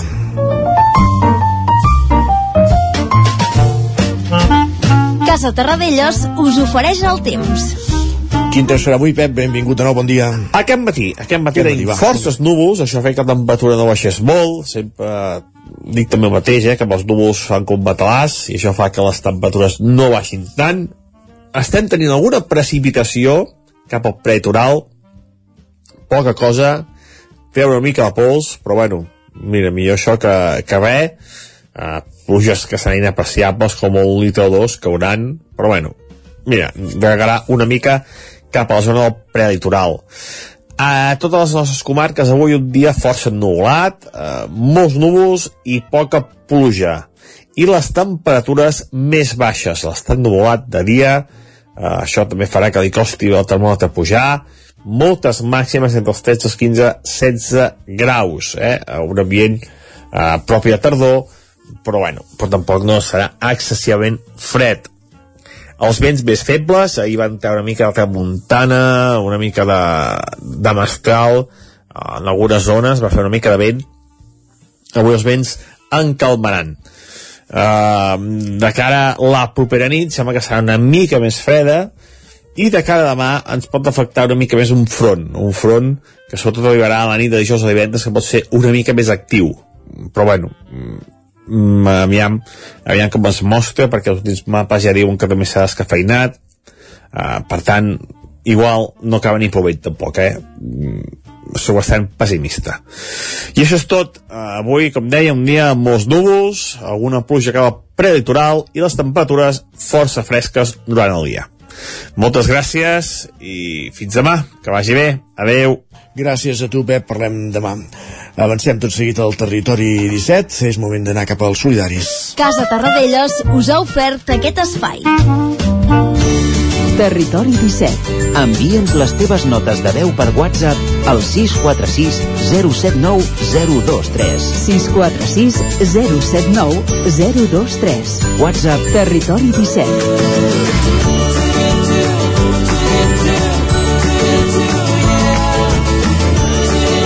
Territori 17. Som a Facebook, Twitter i Instagram amb l'usuari Territori 17.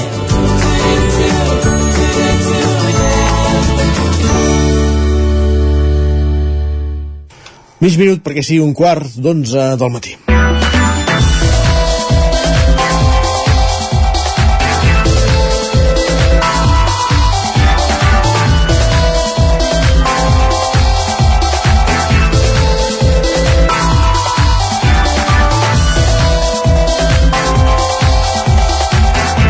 Doncs temps pels solidaris, temps per saludar la Laura Serrat des de Ràdio Vic. Benvinguda una setmana més, bon dia. Continuem en aquest nou camí del programa Solidaris i aquesta vegada ens endinsem en el segon format que oferim aquesta temporada i que ens permet conèixer de primera mà les iniciatives socials dels consistoris. Avui conversem per primera vegada amb la responsable directa de la gestió social que impulsa l'Ajuntament de Gurb, de la mà de Margarita Oriol, regidora de Salut, Qualitat de Vida i Benestar, que ens parla sobre els projectes en marxa, els projectes futurs i les necessitats del municipi. Abans de res, ens pot fer 5 cèntims sobre la seva trajectòria professional? Doncs mira, jo sóc infermera i actualment estic prejubilada. He treballat durant molts anys al Consorci Hospitalari de Vic, molts anys gestionant recursos i professionals, sobretot a l'àrea quirúrgica, i també vaig estar 5 anys a l'Hospital de Manlleu, perquè també conec molt bé les necessitats de les persones grans i també amb dependència. Quines han estat les primeres accions que ha pres en aquest sector des que va assumir el càrrec? Bueno, jo volia explicar una mica que hem de tenir present que les eleccions municipals van ser el 28 de maig i es va constituir els ajuntaments el 17 de juny. Per tant, amb l'estiu al mig, de moment estic en procés de posar-me al dia de la regidoria de Salut, Qualitat de Vida i Benestar de l'Ajuntament i, per tant, anem fent passeigs, no? I la primera acció que he pogut fer ha estat activar el transport adaptat pels usuaris de l'espai activat de GUP que hem iniciat des de l'ara al setembre, primers de setembre, una prova pilot, aproximadament farem un mes, i a partir d'aquí definirem com es pot fer la implementació definitiva. I en què consisteix aquest projecte? Aquest projecte és, és un projecte que ja està demandat pels usuaris de l'espai activa durant, ja, ja, ja fa bastant temps, que és el trasllat en un transport adaptat, perquè tenim usuaris doncs, amb, amb mobilitat reduïda i tenim usuaris que van amb cadira de rodes, per exemple, i hem intentat fer un transport adaptat, anar-los a buscar i tornar-los al migdia per poder anar a l'espai activat. I com sorgeix aquesta iniciativa? Es tracta d'un projecte ja iniciat en el passat mandat? Mira, eh, això ja, ja s'havia parlat en el mandat anterior, amb la regidora que hi havia anterior a, a mi, però es va intentar amb persones que sí que, que fossin voluntàries i això és molt difícil. Que consolidar un transport adaptat amb persones voluntàries és complexa, perquè un dia una persona no li va bé, l'altra no, i havíem d'intentar fer una cosa que es pogués consolidar més, no? I hem intentat, doncs, eh, això, fer-lo, eh, implantar-lo, doncs, cada dia, eh, cada dia. I, i està posat perquè eh, demanda dels usuaris. Els usuaris són els que van demandar poder tenir i disposar un, un transport adaptat. Quines accions preveieu aplicar, doncs, durant aquest mandat, més enllà d'aquesta? Aquesta, deixar-la consolidada, eh? perquè ara ja hem dit que era una prova pilot, deixar-la consolidada pels, pels usuaris que, que tenen la necessitat, i a més a més tenim unes places eh, públiques de l'espai activat que estan concedides, que són el 50% de les que tenim disponibles, que seran del CELLAR, que és el Servei d'Atenció Integral en l'àmbit rural. Aquest servei està previst per la cartera de serveis socials, però està, està pendent de desplegament. I s'adreçarà a les persones més grans de 65 anys en l'àmbit rural per atendre les necessitats assistencials que tinguin en el seu entorn habitual o en un entorn adequat. Vale? I els seus objectius són facilitar aquests serveis assistencials a domicili o en aquests centres com, com pot ser l'espai activat. Quines col·laboracions ha establert amb altres institucions o organitzacions en l'àmbit social des que va assumir el càrrec? De, de moment tenim col·laboracions amb altres institucions, sobretot perquè l'Ajuntament de Gurb està adherit al Consorci d'Osona de Serveis Socials, que és un consorci que està format per municipis d'Osona i del Lluçanès, que presta serveis d'acció social públics i de qualitat. Si no recordo malament, que encara hi ha uns 40 municipis adherits. I la finalitat d'aquest consorci és garantir l'accés universal als serveis socials, com un dret universal per la igualtat d'oportunitats i que hi hagi un progrés social a totes les persones d'aquests municipis. I durant aquests dos propers anys la regidoria de, de grup de salut assumirà la vicepresidència d'aquest consorci. Per tant, és una col·laboració molt, molt estreta, aquesta institució. Quines creu que són les necessitats més urgents de la seva comunitat? Bueno, jo en podria dir moltes, però, per exemple, ara que tenim el, el dia, no, és com afrontar la despesa energètica moltes famílies és, eh, és dificultós poder afrontar això eh? Amb el temps que, que ens va canviant a l'estiu amb la calor i a l'hivern amb el fred és, és difícil no?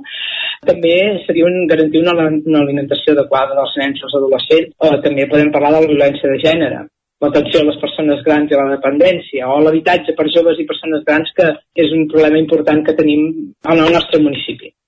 Per tant, donades aquestes problemàtiques, quines mesures volen prendre per abordar-les?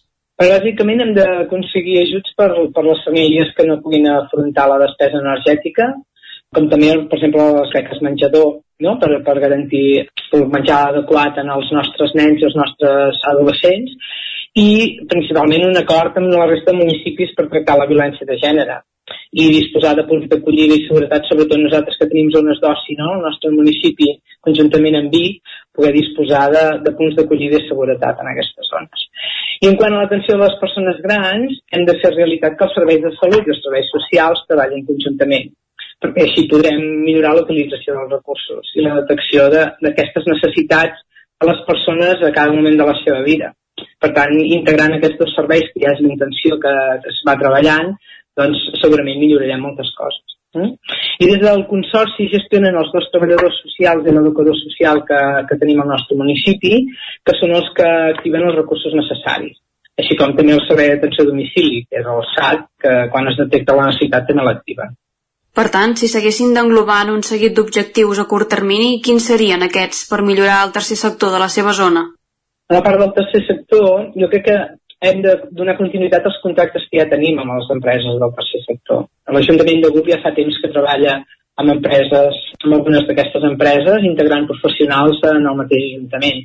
Tenim contractes amb l'AINA, que hi ha gent que treballa en el punt, en el punt jove de l'Ajuntament, ART amb el transport, aquest que han iniciat el FAL ART, TAC també per, tenim tres persones que treballen a la brigada i en serveis de, de jardineria que també treballen al Tacosona.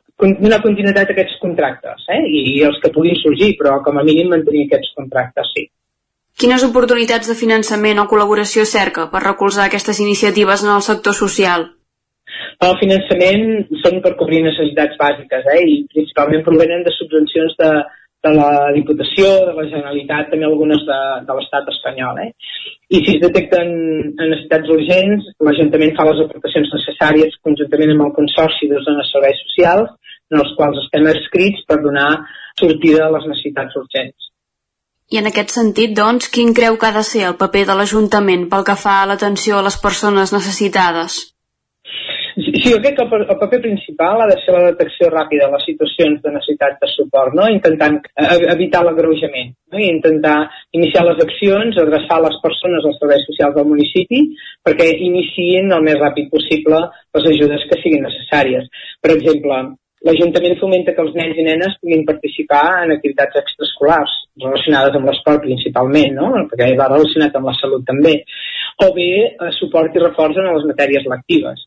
Per tant, seria eh, eh, aquestes coses, eh? intentar evitar l'agreujament de les situacions que es produeixen. I des de les entitats supramunicipals, com creu que s'ha d'abordar Bueno, el Consorci té, té unes accions que estan començant i que estan definint perquè ha crescut molt en, en l'últim temps i s'han escrit molts municipis i precisament ahir mateix es va fer una reunió que estan definint totes les accions i ara ben bé no et puc definir quines, però mm, majoritàriament serà que es prenguin conjuntament en els territoris i per tant garantir l'equitat de, la, de les accions que es puguin fer. Creu que els fan falta recursos per arribar a cobrir tota aquesta demanda d'ajuda social?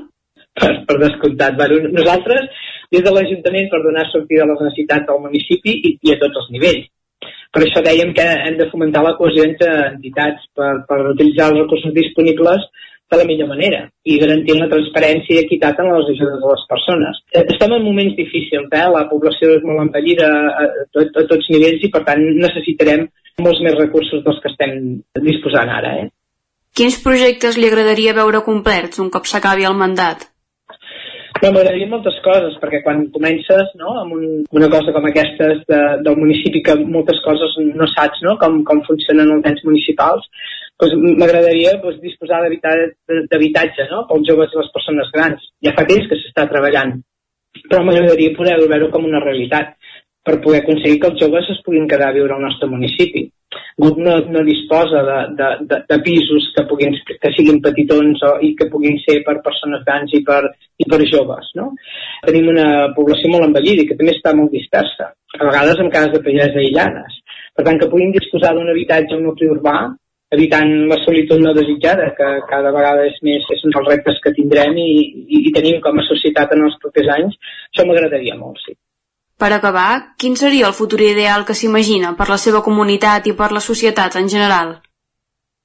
Una part que et deia jo és que principalment salut i social vagin junts, perquè fins ara les conselleries mateix de, de la Generalitat han anat per separat. Jo crec que és, és molt bo que, que puguin anar junts perquè distribuirem els recursos millor segur i detectarem les necessitats abans, eh? que, no, que, que no tenim ara, que ara hi ha dos, dos maneres, no? I, i, i ja s'acaba complint tot, no? Però, però serem molt més ràpids. Jo crec que això um, m'agradaria veure així. I, I com a societat hem de prendre consciència de que ens necessitem els uns als altres i que a vegades podem ser molt més solidaris, que de moment no som. Esperem que aquests ideals de futur s'acabin complint. Margarita, moltes gràcies per ser avui aquí amb nosaltres i molta sort. Molt bé, moltes gràcies a vosaltres. Gràcies també, Laura Serrat, una setmana més des de Ràdio Vic per acostar-nos a l'antena a totes aquestes iniciatives que es fan des del tercer sector a Osona, avui els solidaris, eh, conversant com, com sentíem eh, amb aquesta regidora. Avancem al territori 17, un minut per una pausa. Eh, per la pausa que fem cada dia abans de dos quarts. Uh, sí que abans d'arribar-hi us hem d'anunciar una nota luctuosa perquè, segons informen ja diversos mitjans, ha mort als 71 anys l'historiador Joan Beculla, historiador de capçalera de la Catalunya contemporània, afectat per una malaltia. I, com dèiem, uh, aquest matí s'ha anunciat la mort de Joan B.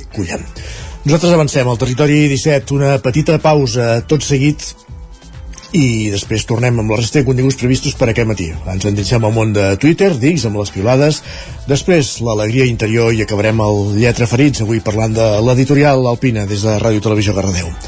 Per tant, tot seguit el que fem és una petita pausa aquí al territori 17. Tornem d'aquí, res, 3 minutets, fins ara mateix.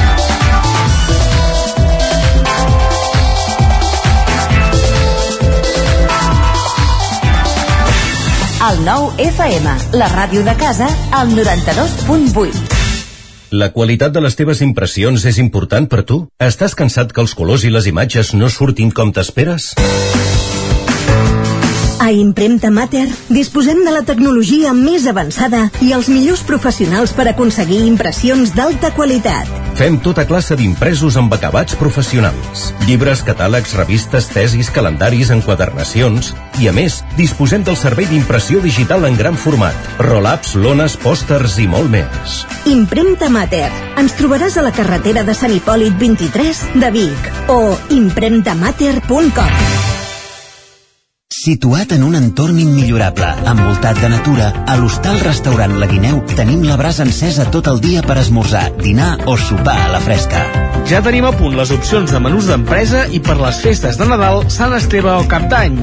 Estem especialitzats en opcions vegetarianes. Hostal La Guineu. Ens trobareu a l'urbanització Les Guilleries de Viladrau.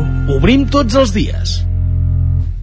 Vine al Garden Tortadès de Vic i descobreix l'exposició de Nadal més màgica de la comarca. Decoració, ornaments, il·luminació, poncèties, arbres de Nadal i molt més. Inspira't i crea el Nadal dels teus somnis. Obrim cada dia, diumenges i festius inclosos. Garden Tortadès. Ens trobaràs al polígon Mas Galí de Vic.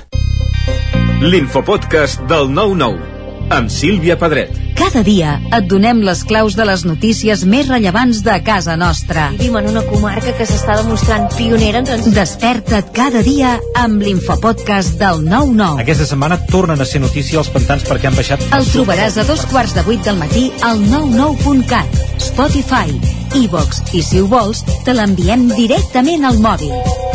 Subscriu-te als canals de WhatsApp i Telegram del 99. Soc Sílvia Pedret. Comencem. T'imagines un programa de política, d'economia, feina... Doncs ja te'n pots oblidar. Quin tinglado! Un programa d'entreteniment, actualitat, cultura i molt rigorós. Amb Bata Serrat, Miquel Giol i Eudal Puig. Un programa que no passarà a la història i que tampoc guanyarà cap ondes. No ens flipem. Escolta'l cada dijous en directe de 8 a 9 del vespre al 9 FM. Ai, ai, ai, quin tinglado! Cocodril Club. Si t'agrada la bona música dels anys 60, 70 i 80, escolta el 9 FM als matins de dissabtes i diumenges d'11 a 1. És el temps del Cocodril Club, tot un clàssic de la ràdio, amb les bases del pop-rock, les llegendes, les cançons que s'han convertit en autèntics himnes. Recorda, dissabtes i diumenges al matí, d'11 a 1, al 9 FM 92.8. Cocodril Club, el programa revival de l'Albert Malla. Hasta luego, cocodrilo. El 9 FM, el 9 FM, el 9 En punt ara mateix, dos quarts d'onze al territori 17.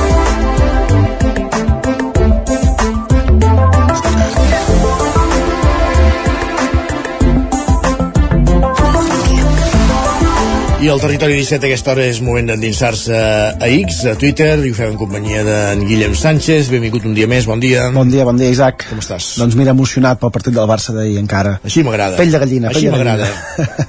Fem una mica de broma, eh?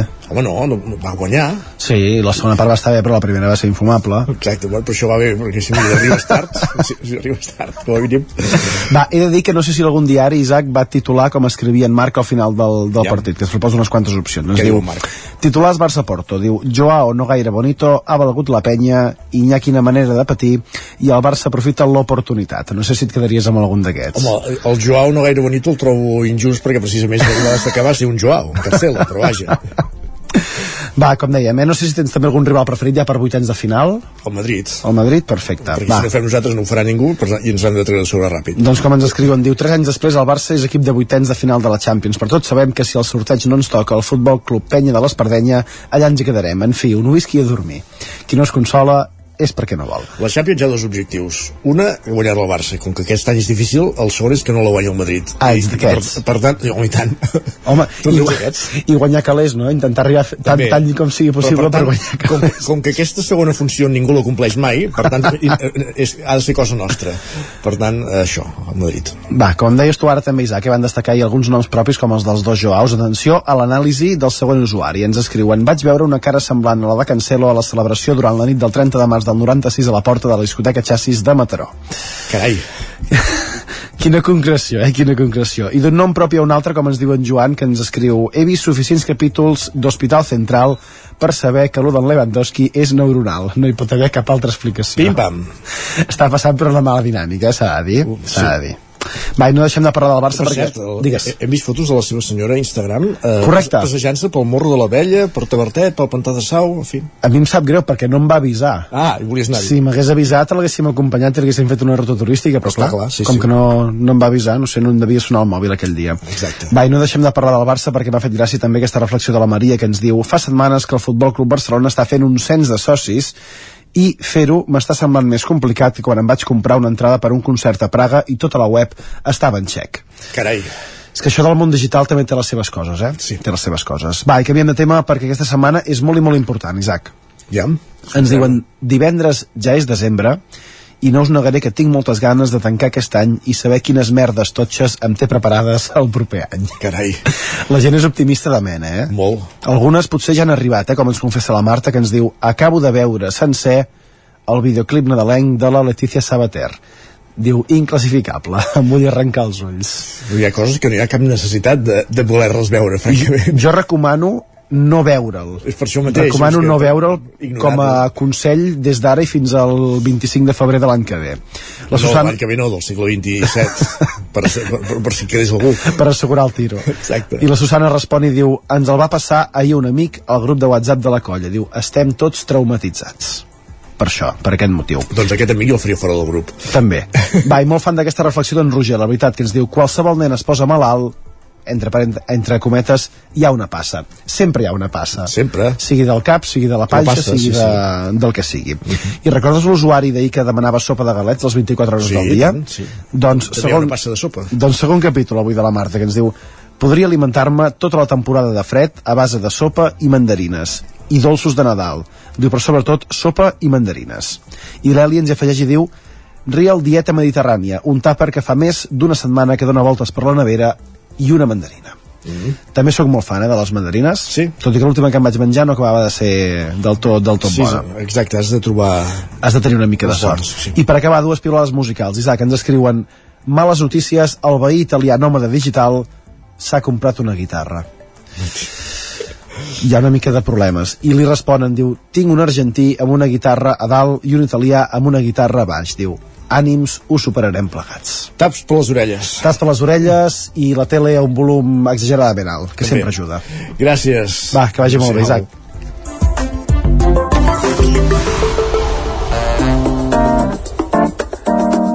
Territori 17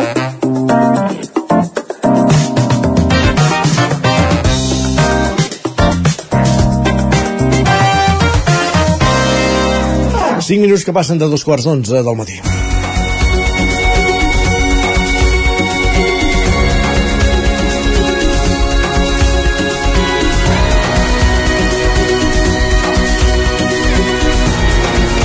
Jordi Soler, benvingut, bon dia. Molt bon dia. Ens endinsem a l'alegria interior, avui per parlar de...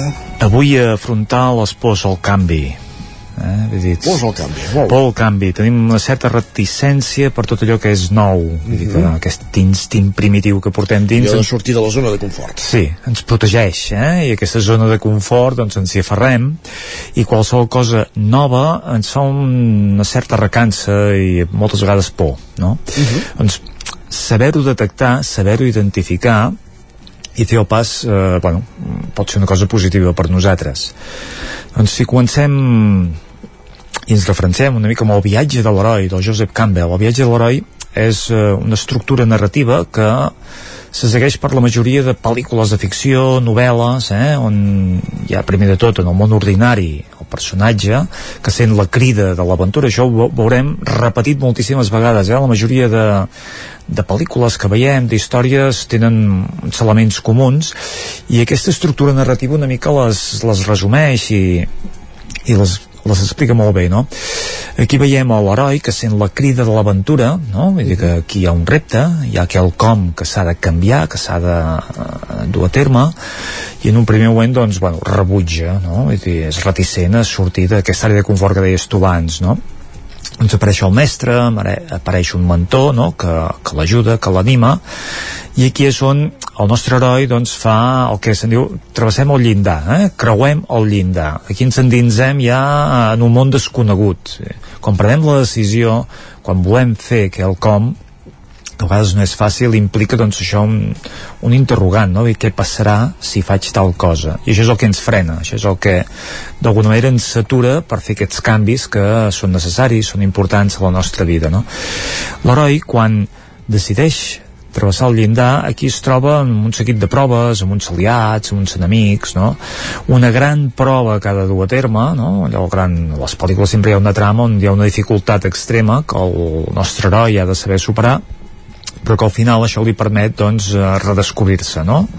Tornar al punt d'origen d'una forma renovada. Doncs aquest viatge de l'heroi una mica a mi m'agrada incidir en aquest travessar el llindar perquè en la nostra vida moltes vegades hem de decidir si volem o no volem travessar el llindar Uh -huh. no? Vull dir que i jo és curiós perquè recordo el primer dia de, que vaig anar a parvulari, no vaig anar a la guarderia, vaig anar directament a parvulari. Jo també, ja són dos, sí. I va ser traumàtic, no? Vull dir, deixar la, bueno, la seguretat de, de, de la casa, de la mare, no? I en un lloc nou, vull dir, un lloc desconegut, amb nens, que vull dir que eren nens i que per tant, molt bé, molt, molt, molt divertit, però que, caram, que era una cosa nova, no? Allò va ser un travessar un llindar És la primera vegada que surts de la zona de confort, realment, quan, sí. quan, quan vas a això, o, o, a, la, o, a, la- o a la guarderia, o a la llar d'infants, o al parvulari, sí, sí. i és curiós perquè jo al costat tenim una guarderia i cada inici de temporada sentim els plors dels nens, Exacte. no de tots, però d'alguns nens que realment no, per ells és un trauma. Correcte. I els que no ploren estic segur que ho senten també, eh? Que passa que hi ha moltes maneres d'expressar-ho, de sentir-ho i de viure-ho. Correcte. Doncs els canvis, eh, això ho veus en moltes persones, quan planteges una cosa nova, hi ha gent que ho accepta més ràpidament, hi ha gent que li costa una mica més. Hi ha gent que s'hi posa una mica en contra, no? Vull dir que hi ha, hi ha de tot. Per tant, saber-ho detectar nosaltres, saber afrontar una mica aquesta situació de la forma adequada, ens permet evolucionar, ens permet avançar. Doncs jo com a ajudes que, sí. que proposaria en aquest sentit és eh, bueno, un dels principis de la PNL, no? que l'error no és un fracàs, és una oportunitat eh, d'avançar. Per tant, hem d'agafar els errors com oportunitats no com amenaces que dius, bueno, i, i, i si fallo què passa? Doncs no passa res, aprenc i tiro endavant una persona em va dir una vegada els errors cometa'ls ràpid, no? Cometen molts, cometa'ls ràpid i travessa ja aquesta fase, diguéssim, de bloqueig. Quan vols fer alguna cosa, un nou projecte, una nova iniciativa que tinguis, eh, no ho dubtis, fes-ho i erra, però ves ràpid i tampoc et quedis sempre eh, cometent errors, no? Vull dir que els errors no s'han de veure com algo dolent, però sí que s'han de veure com algo que s'ha de superar, que s'ha d'aprendre i que s'han de deixar enrere també per, per avançar, no? Per tant, cometre errors no és un fracàs, un principi de la PNL que cal tenir en compte. Eh? Vull dir que és el principal impediment, allò dir, és que ho volem fer tot tan bé, volem que surti tot bé i a vegades quedem bloquejats, quedem frenats, quedem trebats, no? doncs una mica noves ajudes. Jo de totes les paraules aquestes màgiques japoneses que hem anat incorporant al llarg de la temporada passada i fins i tot en aquesta n'hi ha una que també ens pot ajudar el Kaizen el Kaizen tot i que està basat en un sistema de producció que va implementar la Toyota al Japó ja, ja fa molts anys sí. jo crec que és totalment mm, exportable cap al, al nostre dia a dia i és aquest, aquest procés diguéssim de, de fer les coses en petits passos eh? Dir, a vegades quan un quan un obstacle és molt alt no podem superar de cop hem de fer-hi una mica que, que, que, aquesta escala gradual no? per, per arribar-lo a superar petits passos de millora però continus sense parar eh? Ells eh, van detectar en els processos productius de, de la casa Toyota que promoure el personal a que tinguessin noves idees, aportessin noves millores petites, però cada si no cada dia, doncs de forma així molt periòdica, això realment es traduïa en una millora important al cap d'un cert temps. Uh -huh. No? Vull dir que no anem a, a girar-ho tot de cop, però sí anem a incorporar petites coses que vagin sumant i que al final doncs, siguin doncs, una millora ja quantiosa. No? Doncs el personal de, de la casa Toyota doncs sempre que proposaven algú doncs eh, els escoltaven, els dedicaven atenció encara que fos una tonteria, eh? encara que fos una cosa insignificant i que no reportés cap millora però igualment els hi mereixien una mica aquesta atenció no? i dedicar-los una mica aquest missatge, no? de dir el que diguis sigui el que sigui per nosaltres és valuós uh -huh. perquè de tot plegat, un cop ho havien garballat hi havia idees bones no? vull dir que de 10, ide de 10 idees n'hi podien haver doncs una o dues que realment eren molt valuoses però les s'acollien totes i aquesta suma doncs, feia que milloressin en els seus sistemes no? de, de, de producció i laborals. Si en la nostra vida incorporem aquests petits passos continus, també acabarem fent canvis. Eh? És començar, començar i agafar una dinàmica. Una altra ajuda, una altra ajuda que també hem anat comentant eh, a través d'aquestes paraules que diem encapsulades eh, provenents del Japó, que és el wabi-sabi. Uh -huh.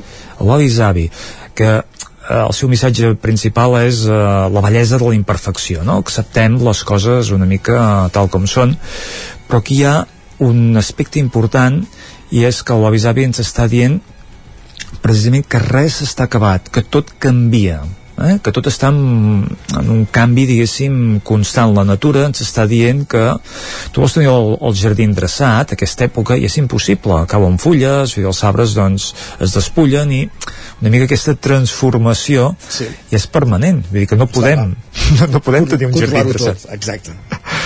Doncs aquesta impermanència, aquest acceptar, diguéssim, que les coses no han de ser perfectes, també ens ajuda, eh? perquè aquest perfeccionisme que, que, que ens atrapa, no? que ens bloqueja, una mica deixar-lo de costat i dir, ei, no vull tenir el jardí perfecte, no vull que la meva, el meu projecte sigui perfecte, vull fer-lo tan bé com pugui, acceptant una mica el, el resultat del que hi hagi. Llavors el wabi-sabi, igual que el kintsugi, el kintsugi ens deia que un element trencat, unes esquerdes doncs embellides allò amb aquella pasta d'or no? que, que unia les esquerdes en un gerro doncs encara el feia més maco no? acceptar la imperfecció acceptar doncs que les coses es poden torçar, es poden trencar i que pot ser una oportunitat per, per embellir-ho no? i per veure aquesta bellesa en la imperfecció en, en què la vida no tot és com, com hauria de com nosaltres pensem que hauria de ser és d'una forma natural, com, com ens arriba, no? i que acceptar això doncs, també ens treu aquesta por que ens bloqueja i que ens permet doncs, avançar. Eh? Per tant, el wabi-sabi, impermanència, amb tot el que fem, res està acabat, acceptem perquè el que hi ha està bé i d'alguna manera doncs, eh, podem avançar, podem transcendir, eh? podem canviar, sempre hi som a temps. Molt bé. Doncs ho deixem aquí, maneres de sortir de la zona de, de confort en el moment que s'hagi de, de, de fer el pas. Eh? Aquesta por al canvi que cal acceptar, cal reconèixer que hi és, no? allò quan érem petits que anàvem a la guarderia hi era aquesta por, però això no ens va impedir doncs, fer grans amics eh? I, i viure una experiència que després doncs, ja la vam, bueno, la vam entendre com una cosa positiva per nosaltres, i tant com sé. Perfectíssim. Doncs gràcies, Jordi, una setmana més. A vosaltres. I nosaltres que avancem al territori 17, tot seguit parlem de, de llibres, de llibres de, no de, de llibres convencionals, llibres i guies de muntanya. Parlarem amb un dels responsables de l'editorial Alpina. Fins ara mateix. Molt bé.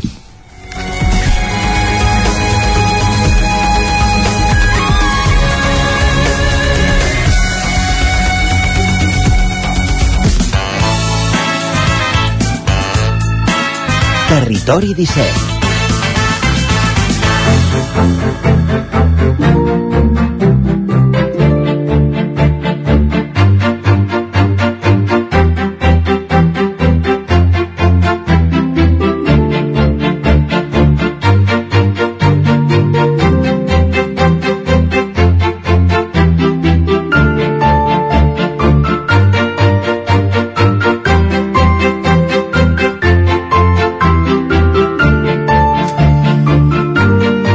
si parlem de publicacions de muntanya, al nostre país ens ve directament un nom al cap, el de l'editorial Alpina, eh, que igual que si parlem de guies, mapes i d'aquells amb qui comptar si volem arribar a bon port, descobrint el nostre territori i, i una mica el més enllà.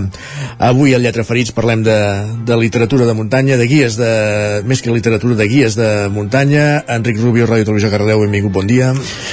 Què tal, Isaac? Bon dia. Exacte, Isaac. I és que Editorial Alpina no només és un referent a Catalunya, com bé deia, sinó que té títols arreu de la península i és un referent també dels editorials de muntanya a Europa.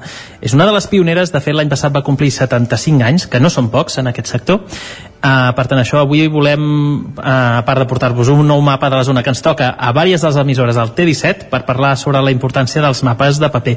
I qui millor que en Josep Maria Musac, el cartògraf d'Editorial Alpina, per poder-nos explicar millor que ningú aquest món del que n'han estat partíceps els nostres avis, pares i que també ho seran i o ho estan sent els nostres fills. Bon dia, Josep Maria, moltes gràcies per atendre'ns. Bon dia. L'entrevista d'avui la fem via telefònica, ja que així li robarem menys temps a en Joan Maria, ja que sé de bona tinta que està ocupat i en escreix en aquesta època. Joan Maria, per posar en sintonia una mica més del que he fet jo als nostres oients, d'on ve Editorial Pina? Quins són els seus inicis? Uh, Editorial Pina ja eh, bueno, remunta fa 77 anys, a Granollers, uh, l'any 1946. Vull dir que ja, ja fa una colla d'anys que, que batallen el món dels mapes i bé, bueno, va començar una mica com, com una cosa amateur perquè hi havia una sèrie de gent que, que realment sí, de gent formada eh, que molt coneixedor de la muntanya que a més a més també els agradava l'excursionisme i entre els que hi havia Salvador Llobet que era, que era, bueno, com, es, com, que era geògraf després hi havia un expert en marcs gràfiques que era en Joan Maria Puigades eh, no, Joan Maria Puigades era un cartògraf de la Diputació, perdó eh, l'expert en barres gràfiques era en Xavier Coll. I, bueno, i algú més. I després, clar, el, el ser gent una mica així amb inquietuds i que tenien uns coneixements eh, amplis sobre geografia, sobre el territori i suposo que també és una mica sobre la cartografia que, aquell, que, en, que en aquella època era, diguéssim, era complicat el tema dels mapes doncs es van atrevir això, a fer mapes. I és el que van iniciar en aquell moment. Dèiem això que vau ser pioners. Eh, ara ho deia, era complicat en aquella època el tema dels mapes. Eh, jo imagino que en aquella època com a molt mapes n'hi hauria d'haver de l'exèrcit però segurament no eren ni públics, no? diguéssim? I per, per tant aquí bé, mm, va ser sí, el, el punt de partida de, del PIN aquí a, Espanya, a Catalunya. e, e, eren públics però eren de l'Institut Geogràfic Catastral. Després també n'hi van haver després més endavant de l'exèrcit aquell uh -huh. famós vol americà eh, però no, no, els primers, els de l'Institut Geogràfic Catastral, eren mapes bastant deficients i 50.000, a més a més, clar, eren mm, pràcticament no hi havia camins, la toponímia hi havia la que hi havia, i anava més mal escrita i en castellà, i clar, ells això suposo que eh, quan intentaven fer un mapa d'aquests per anar d'excursió veien que, que, no, que no anava enlloc i per això bueno, van fer les seves ampliacions i van intentar-hi doncs, marcar els camins i posar la toponímia en català com, com bueno, eh, eh, és a dir, posar la toponímia en l'idioma diguéssim que, que, que, que entenien el que parlava la gent, no? Vull dir, evidentment, perquè reflectiven ben bé el que hi havia en el, en el territori, no? Uh -huh. I, aquí, I, així, I així va anar. I aquí van néixer aquells primers quadernets vermells o, o taronges amb, amb diversos mapes de, de Catalunya, i va ser un punt d'inflexió, això, realment. Sí, bueno, eh, els primers mapes, de fet, eren de l'entorn de Granollers. El primer mapa va ser Sant Llorenç del Munt, un mapa del Vallès, després ja va venir això, a Cingles de Bertí, eh, Montseny, doncs que eren mapes, diguéssim, això, de, de, del voltant, que era, de fet, on ells tenien més accessible a anar, a anar a caminar. Després ja més endavant, quan suposo que els mapes van començar a tenir èxit i, i doncs, bueno, hi havia una certa demanda, doncs ja van començar doncs, a entrar el Pirineu, però ja dic, el Pirineu inclús els mapes van a partir dels anys 60 o 70 fins i tot, no? Perquè sí, clar, és una cosa molt lenta. Sí, relativament re recent dins d'aquesta marca his històrica, no? Uh, Joan Maria, amb aquesta trajectòria, uh, en un món digitalitzat fins a la societat, uh, quins són els avantatges dels mapes a paper? Jo mateix sempre porto un mòbil en GPS, però més aviat per gravar els, els tracks. Pel que refereix a orientar-se i arribar a bon port sense imprevistos, la consulta sempre és el mapa que porto amb mi. Com defensaries un suport històricament tan utilitzat com el paper, però alhora tan eficient i necessari? Uh, a veure, el, el, el, mapa, el mapa, en el fons, és una eina eh, com pugui ser el GPS o, bueno, qualsevol altra eina d'orientació, no? El que passa és que et dona uns avantatges i, i també té uns inconvenients. Clar, vull dir, tu el mapa eh, t'has d'anar resituant sempre eh, buscant més o menys on, on estàs, buscant referències, clar, i la comunitat que et dona un GPS, doncs, eh, és que, que, que en tot moment veus on estàs, no? Però després el, el, quines, quines avantatges té el, el, el paper? Doncs això, l'amplitud de mires, eh, el fet de, de planificar, perquè clar, generalment amb un GPS a vegades només seguim una línia i no saps el que hi ha dret o esquerra, o t'ho has d'imaginar, perquè a vegades els mapes que hi ha en el GPS són, són una mica deficients. Clar, el mapa dona unes possibilitats ja no només de, de preparar l'excursió, que evidentment això és, és innegable, sinó un cop estàs al terreny doncs, per identificar elements que potser no, no, no els tens al, en, el, en el, a la pantalla del, del GPS o que simplement que la pantalla és petita i, i no pot llegir-ho bé, diguéssim, no? Bé, alguns anem amb rellotge o van amb rellotge i per tant és això, no?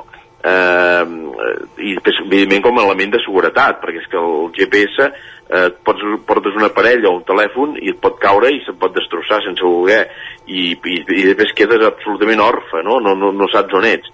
I que el mapa t'obliga, és que el tema del mapa és que, a més a més, t'obliga a, a, a fer una immersió en el territori, no? Tu, quan el desplegues, quan intentes eh, buscar la ruta que vols fer, comences a veure les corbes de nivell, o sigui, comences a, pots interpretar el relleu, el que trobaràs a, a darrere una cadena, eh, veure els llocs per on passa, quins noms tenen aquests llocs, eh, és a dir, pots eh, analitzar moltes coses que amb el GPS a vegades anem molt de nord, com si anéssim amb un tom-tom del cotxe, no? I que després, clar, a veure, no, no és el mateix perdre en una ciutat eh, que perdre a la muntanya. Per tant, I, i, i, eh, com més elements tinguem de referència, sempre és millor, i el mapa t'ho dona, no? Aquesta possibilitat. I tant, i més m'atreviria a dir, eh, Josep Maria, que a més alta muntanya, sobretot doncs, a molt, les bateries, quan estem a, a certes temperatures baixes, eh, pateixen moltíssim i no són pocs els que ens hem quedat sense bateria allà dalt. Sí, I, bé, I els 10 fins a sota zero, que no és pas sí. molt a alta muntanya, doncs Clar, actualment hi ha molts, hi ha molts, molts aspectes, no? Ja et dic, que pot el mòbil, eh, que, que, ai, el, el GPS pot tocar amb una pedra i se trenca la pantalla. Eh, el tema de les bateries, tal com dius tu, eh, que, que clar, a veure, sí que hi ha powerbanks i altres coses, però clar, al final haurem d'anar molt carregats a la muntanya, no?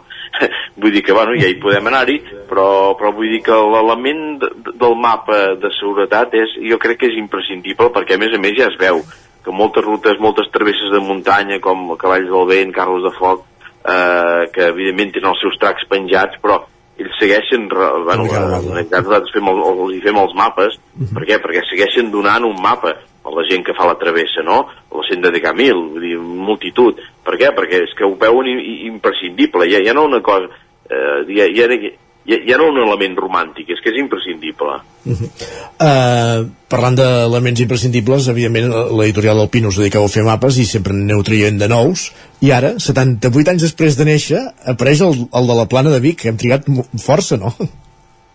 Uh, bé, la, la plana de Vic, uh, com, com, com altres territoris, podrien semblar un, una anomalia dintre del que és la, la, la nostra col·lecció, no? Perquè clar, estem, estem sempre doncs, de, centrats en, en àmbits de muntanya, no?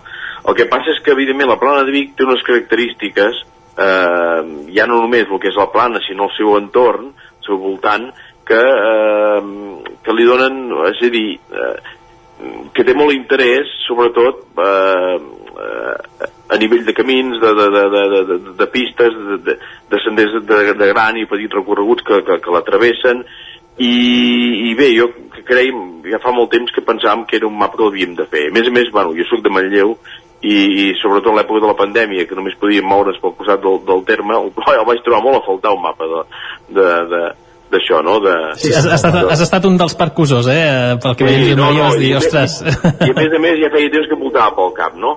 Però ja dic, independentment d'això, eh, és una zona que té molta tradició excursionista i a més a més té molts indrets que d'interès i jo crec que, que, que, que és una assignatura que finalment l'hem pogut, doncs, això, no?, provar i, bueno, ja l'hem pogut tirar endavant. Mm -hmm. Oh, I tant, i més... Sí. No, no, anava a, dir, a parlar una mica de, de les característiques, què, què hi podem trobar en aquest, en aquest mapa? Um, bé, és un mapa de l'Alpina com, com qualsevol, no? És a dir, um, què destaquem? Doncs, bàsicament, els, eh, intentem que la xarxa de camins, de corriols, de, eh, de, de pistes, doncs sigui molt clara, és a dir, que és el que la gent necessita per veure's pel territori, marcar els gerres, els PRs, però sobretot això, no? I després hem fet molt treball amb, amb el tema de la toponímia i dels llocs d'interès, no?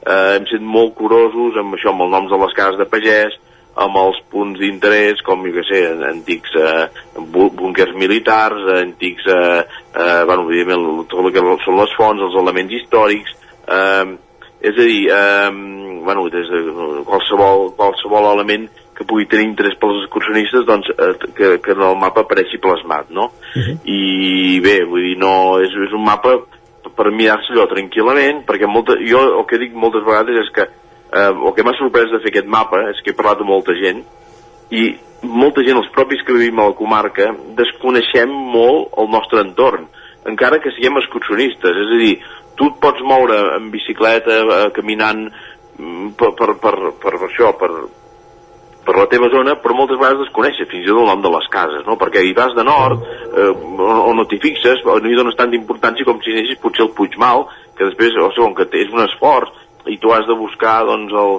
la ruta per anar-hi, doncs et fixes més poder fins i tot amb els noms, no? Aquí, uh -huh. com que hi vas més d'inèrcia, doncs potser no tens aquesta, aquesta necessitat. Doncs jo Sí, convidaria... malauradament, tothom- quan, Sí, Sí, no, això que quan més a prop està, no? quan ho tenim a la volta de casa, Sí, al pati sí, del sí. darrere, doncs eh, no que hi no donem valor, potser, però no... no, no, no, No, ni però- És més accessible, és més accessible. Sí. I el, i el que t'adones quan veus el mapa és jo mateix, ostres, mira, tot això ho tenia aquí al costat o, bueno, o, o 10 quilòmetres i no n'era conscient, doncs i et convida doncs això, no?, a, a, a anar-ho a descobrir, no? I és això una mica. Josep Maria Musac, cartògraf de l'editorial Alpina, eh, gràcies per acompanyar-nos aquest matí, aquesta estona aquí a Lletra Ferits, al Territori 17, parlant de, de mapes, de guies de muntanya i d'aquesta nova aportació a la col·lecció d'Alpina, que és la, el mapa de la plana de Vic. Gràcies i fins aviat. D'acord, doncs moltes gràcies a vosaltres. Bon dia. Gràcies, Enric, també un matí més per acompanyar-nos aquí a l'antena del Territori 17. Arribem al final del programa. Fins, A tu, Isaac. fins demà. Adéu-siau. Fins demà. Com dèiem, arribem a la fi del Territori 17 d'aquest matí de dimecres 29 de novembre des de, de 2023. Us hem estat acompanyant des de les 9 del matí, Isaac Muntades, Roger Rams, Pepa Costa, Laura Serrat, Guillem Sánchez, Jordi Soler, Enric Rubio, Sergi Vives i Isaac Moreno, i també Natàlia Peix. El, el Territori 17 hi torna demà a partir de les 9 del matí fins aleshores. Gràcies per ser-hi i molt bon dimecres. Adéu-siau.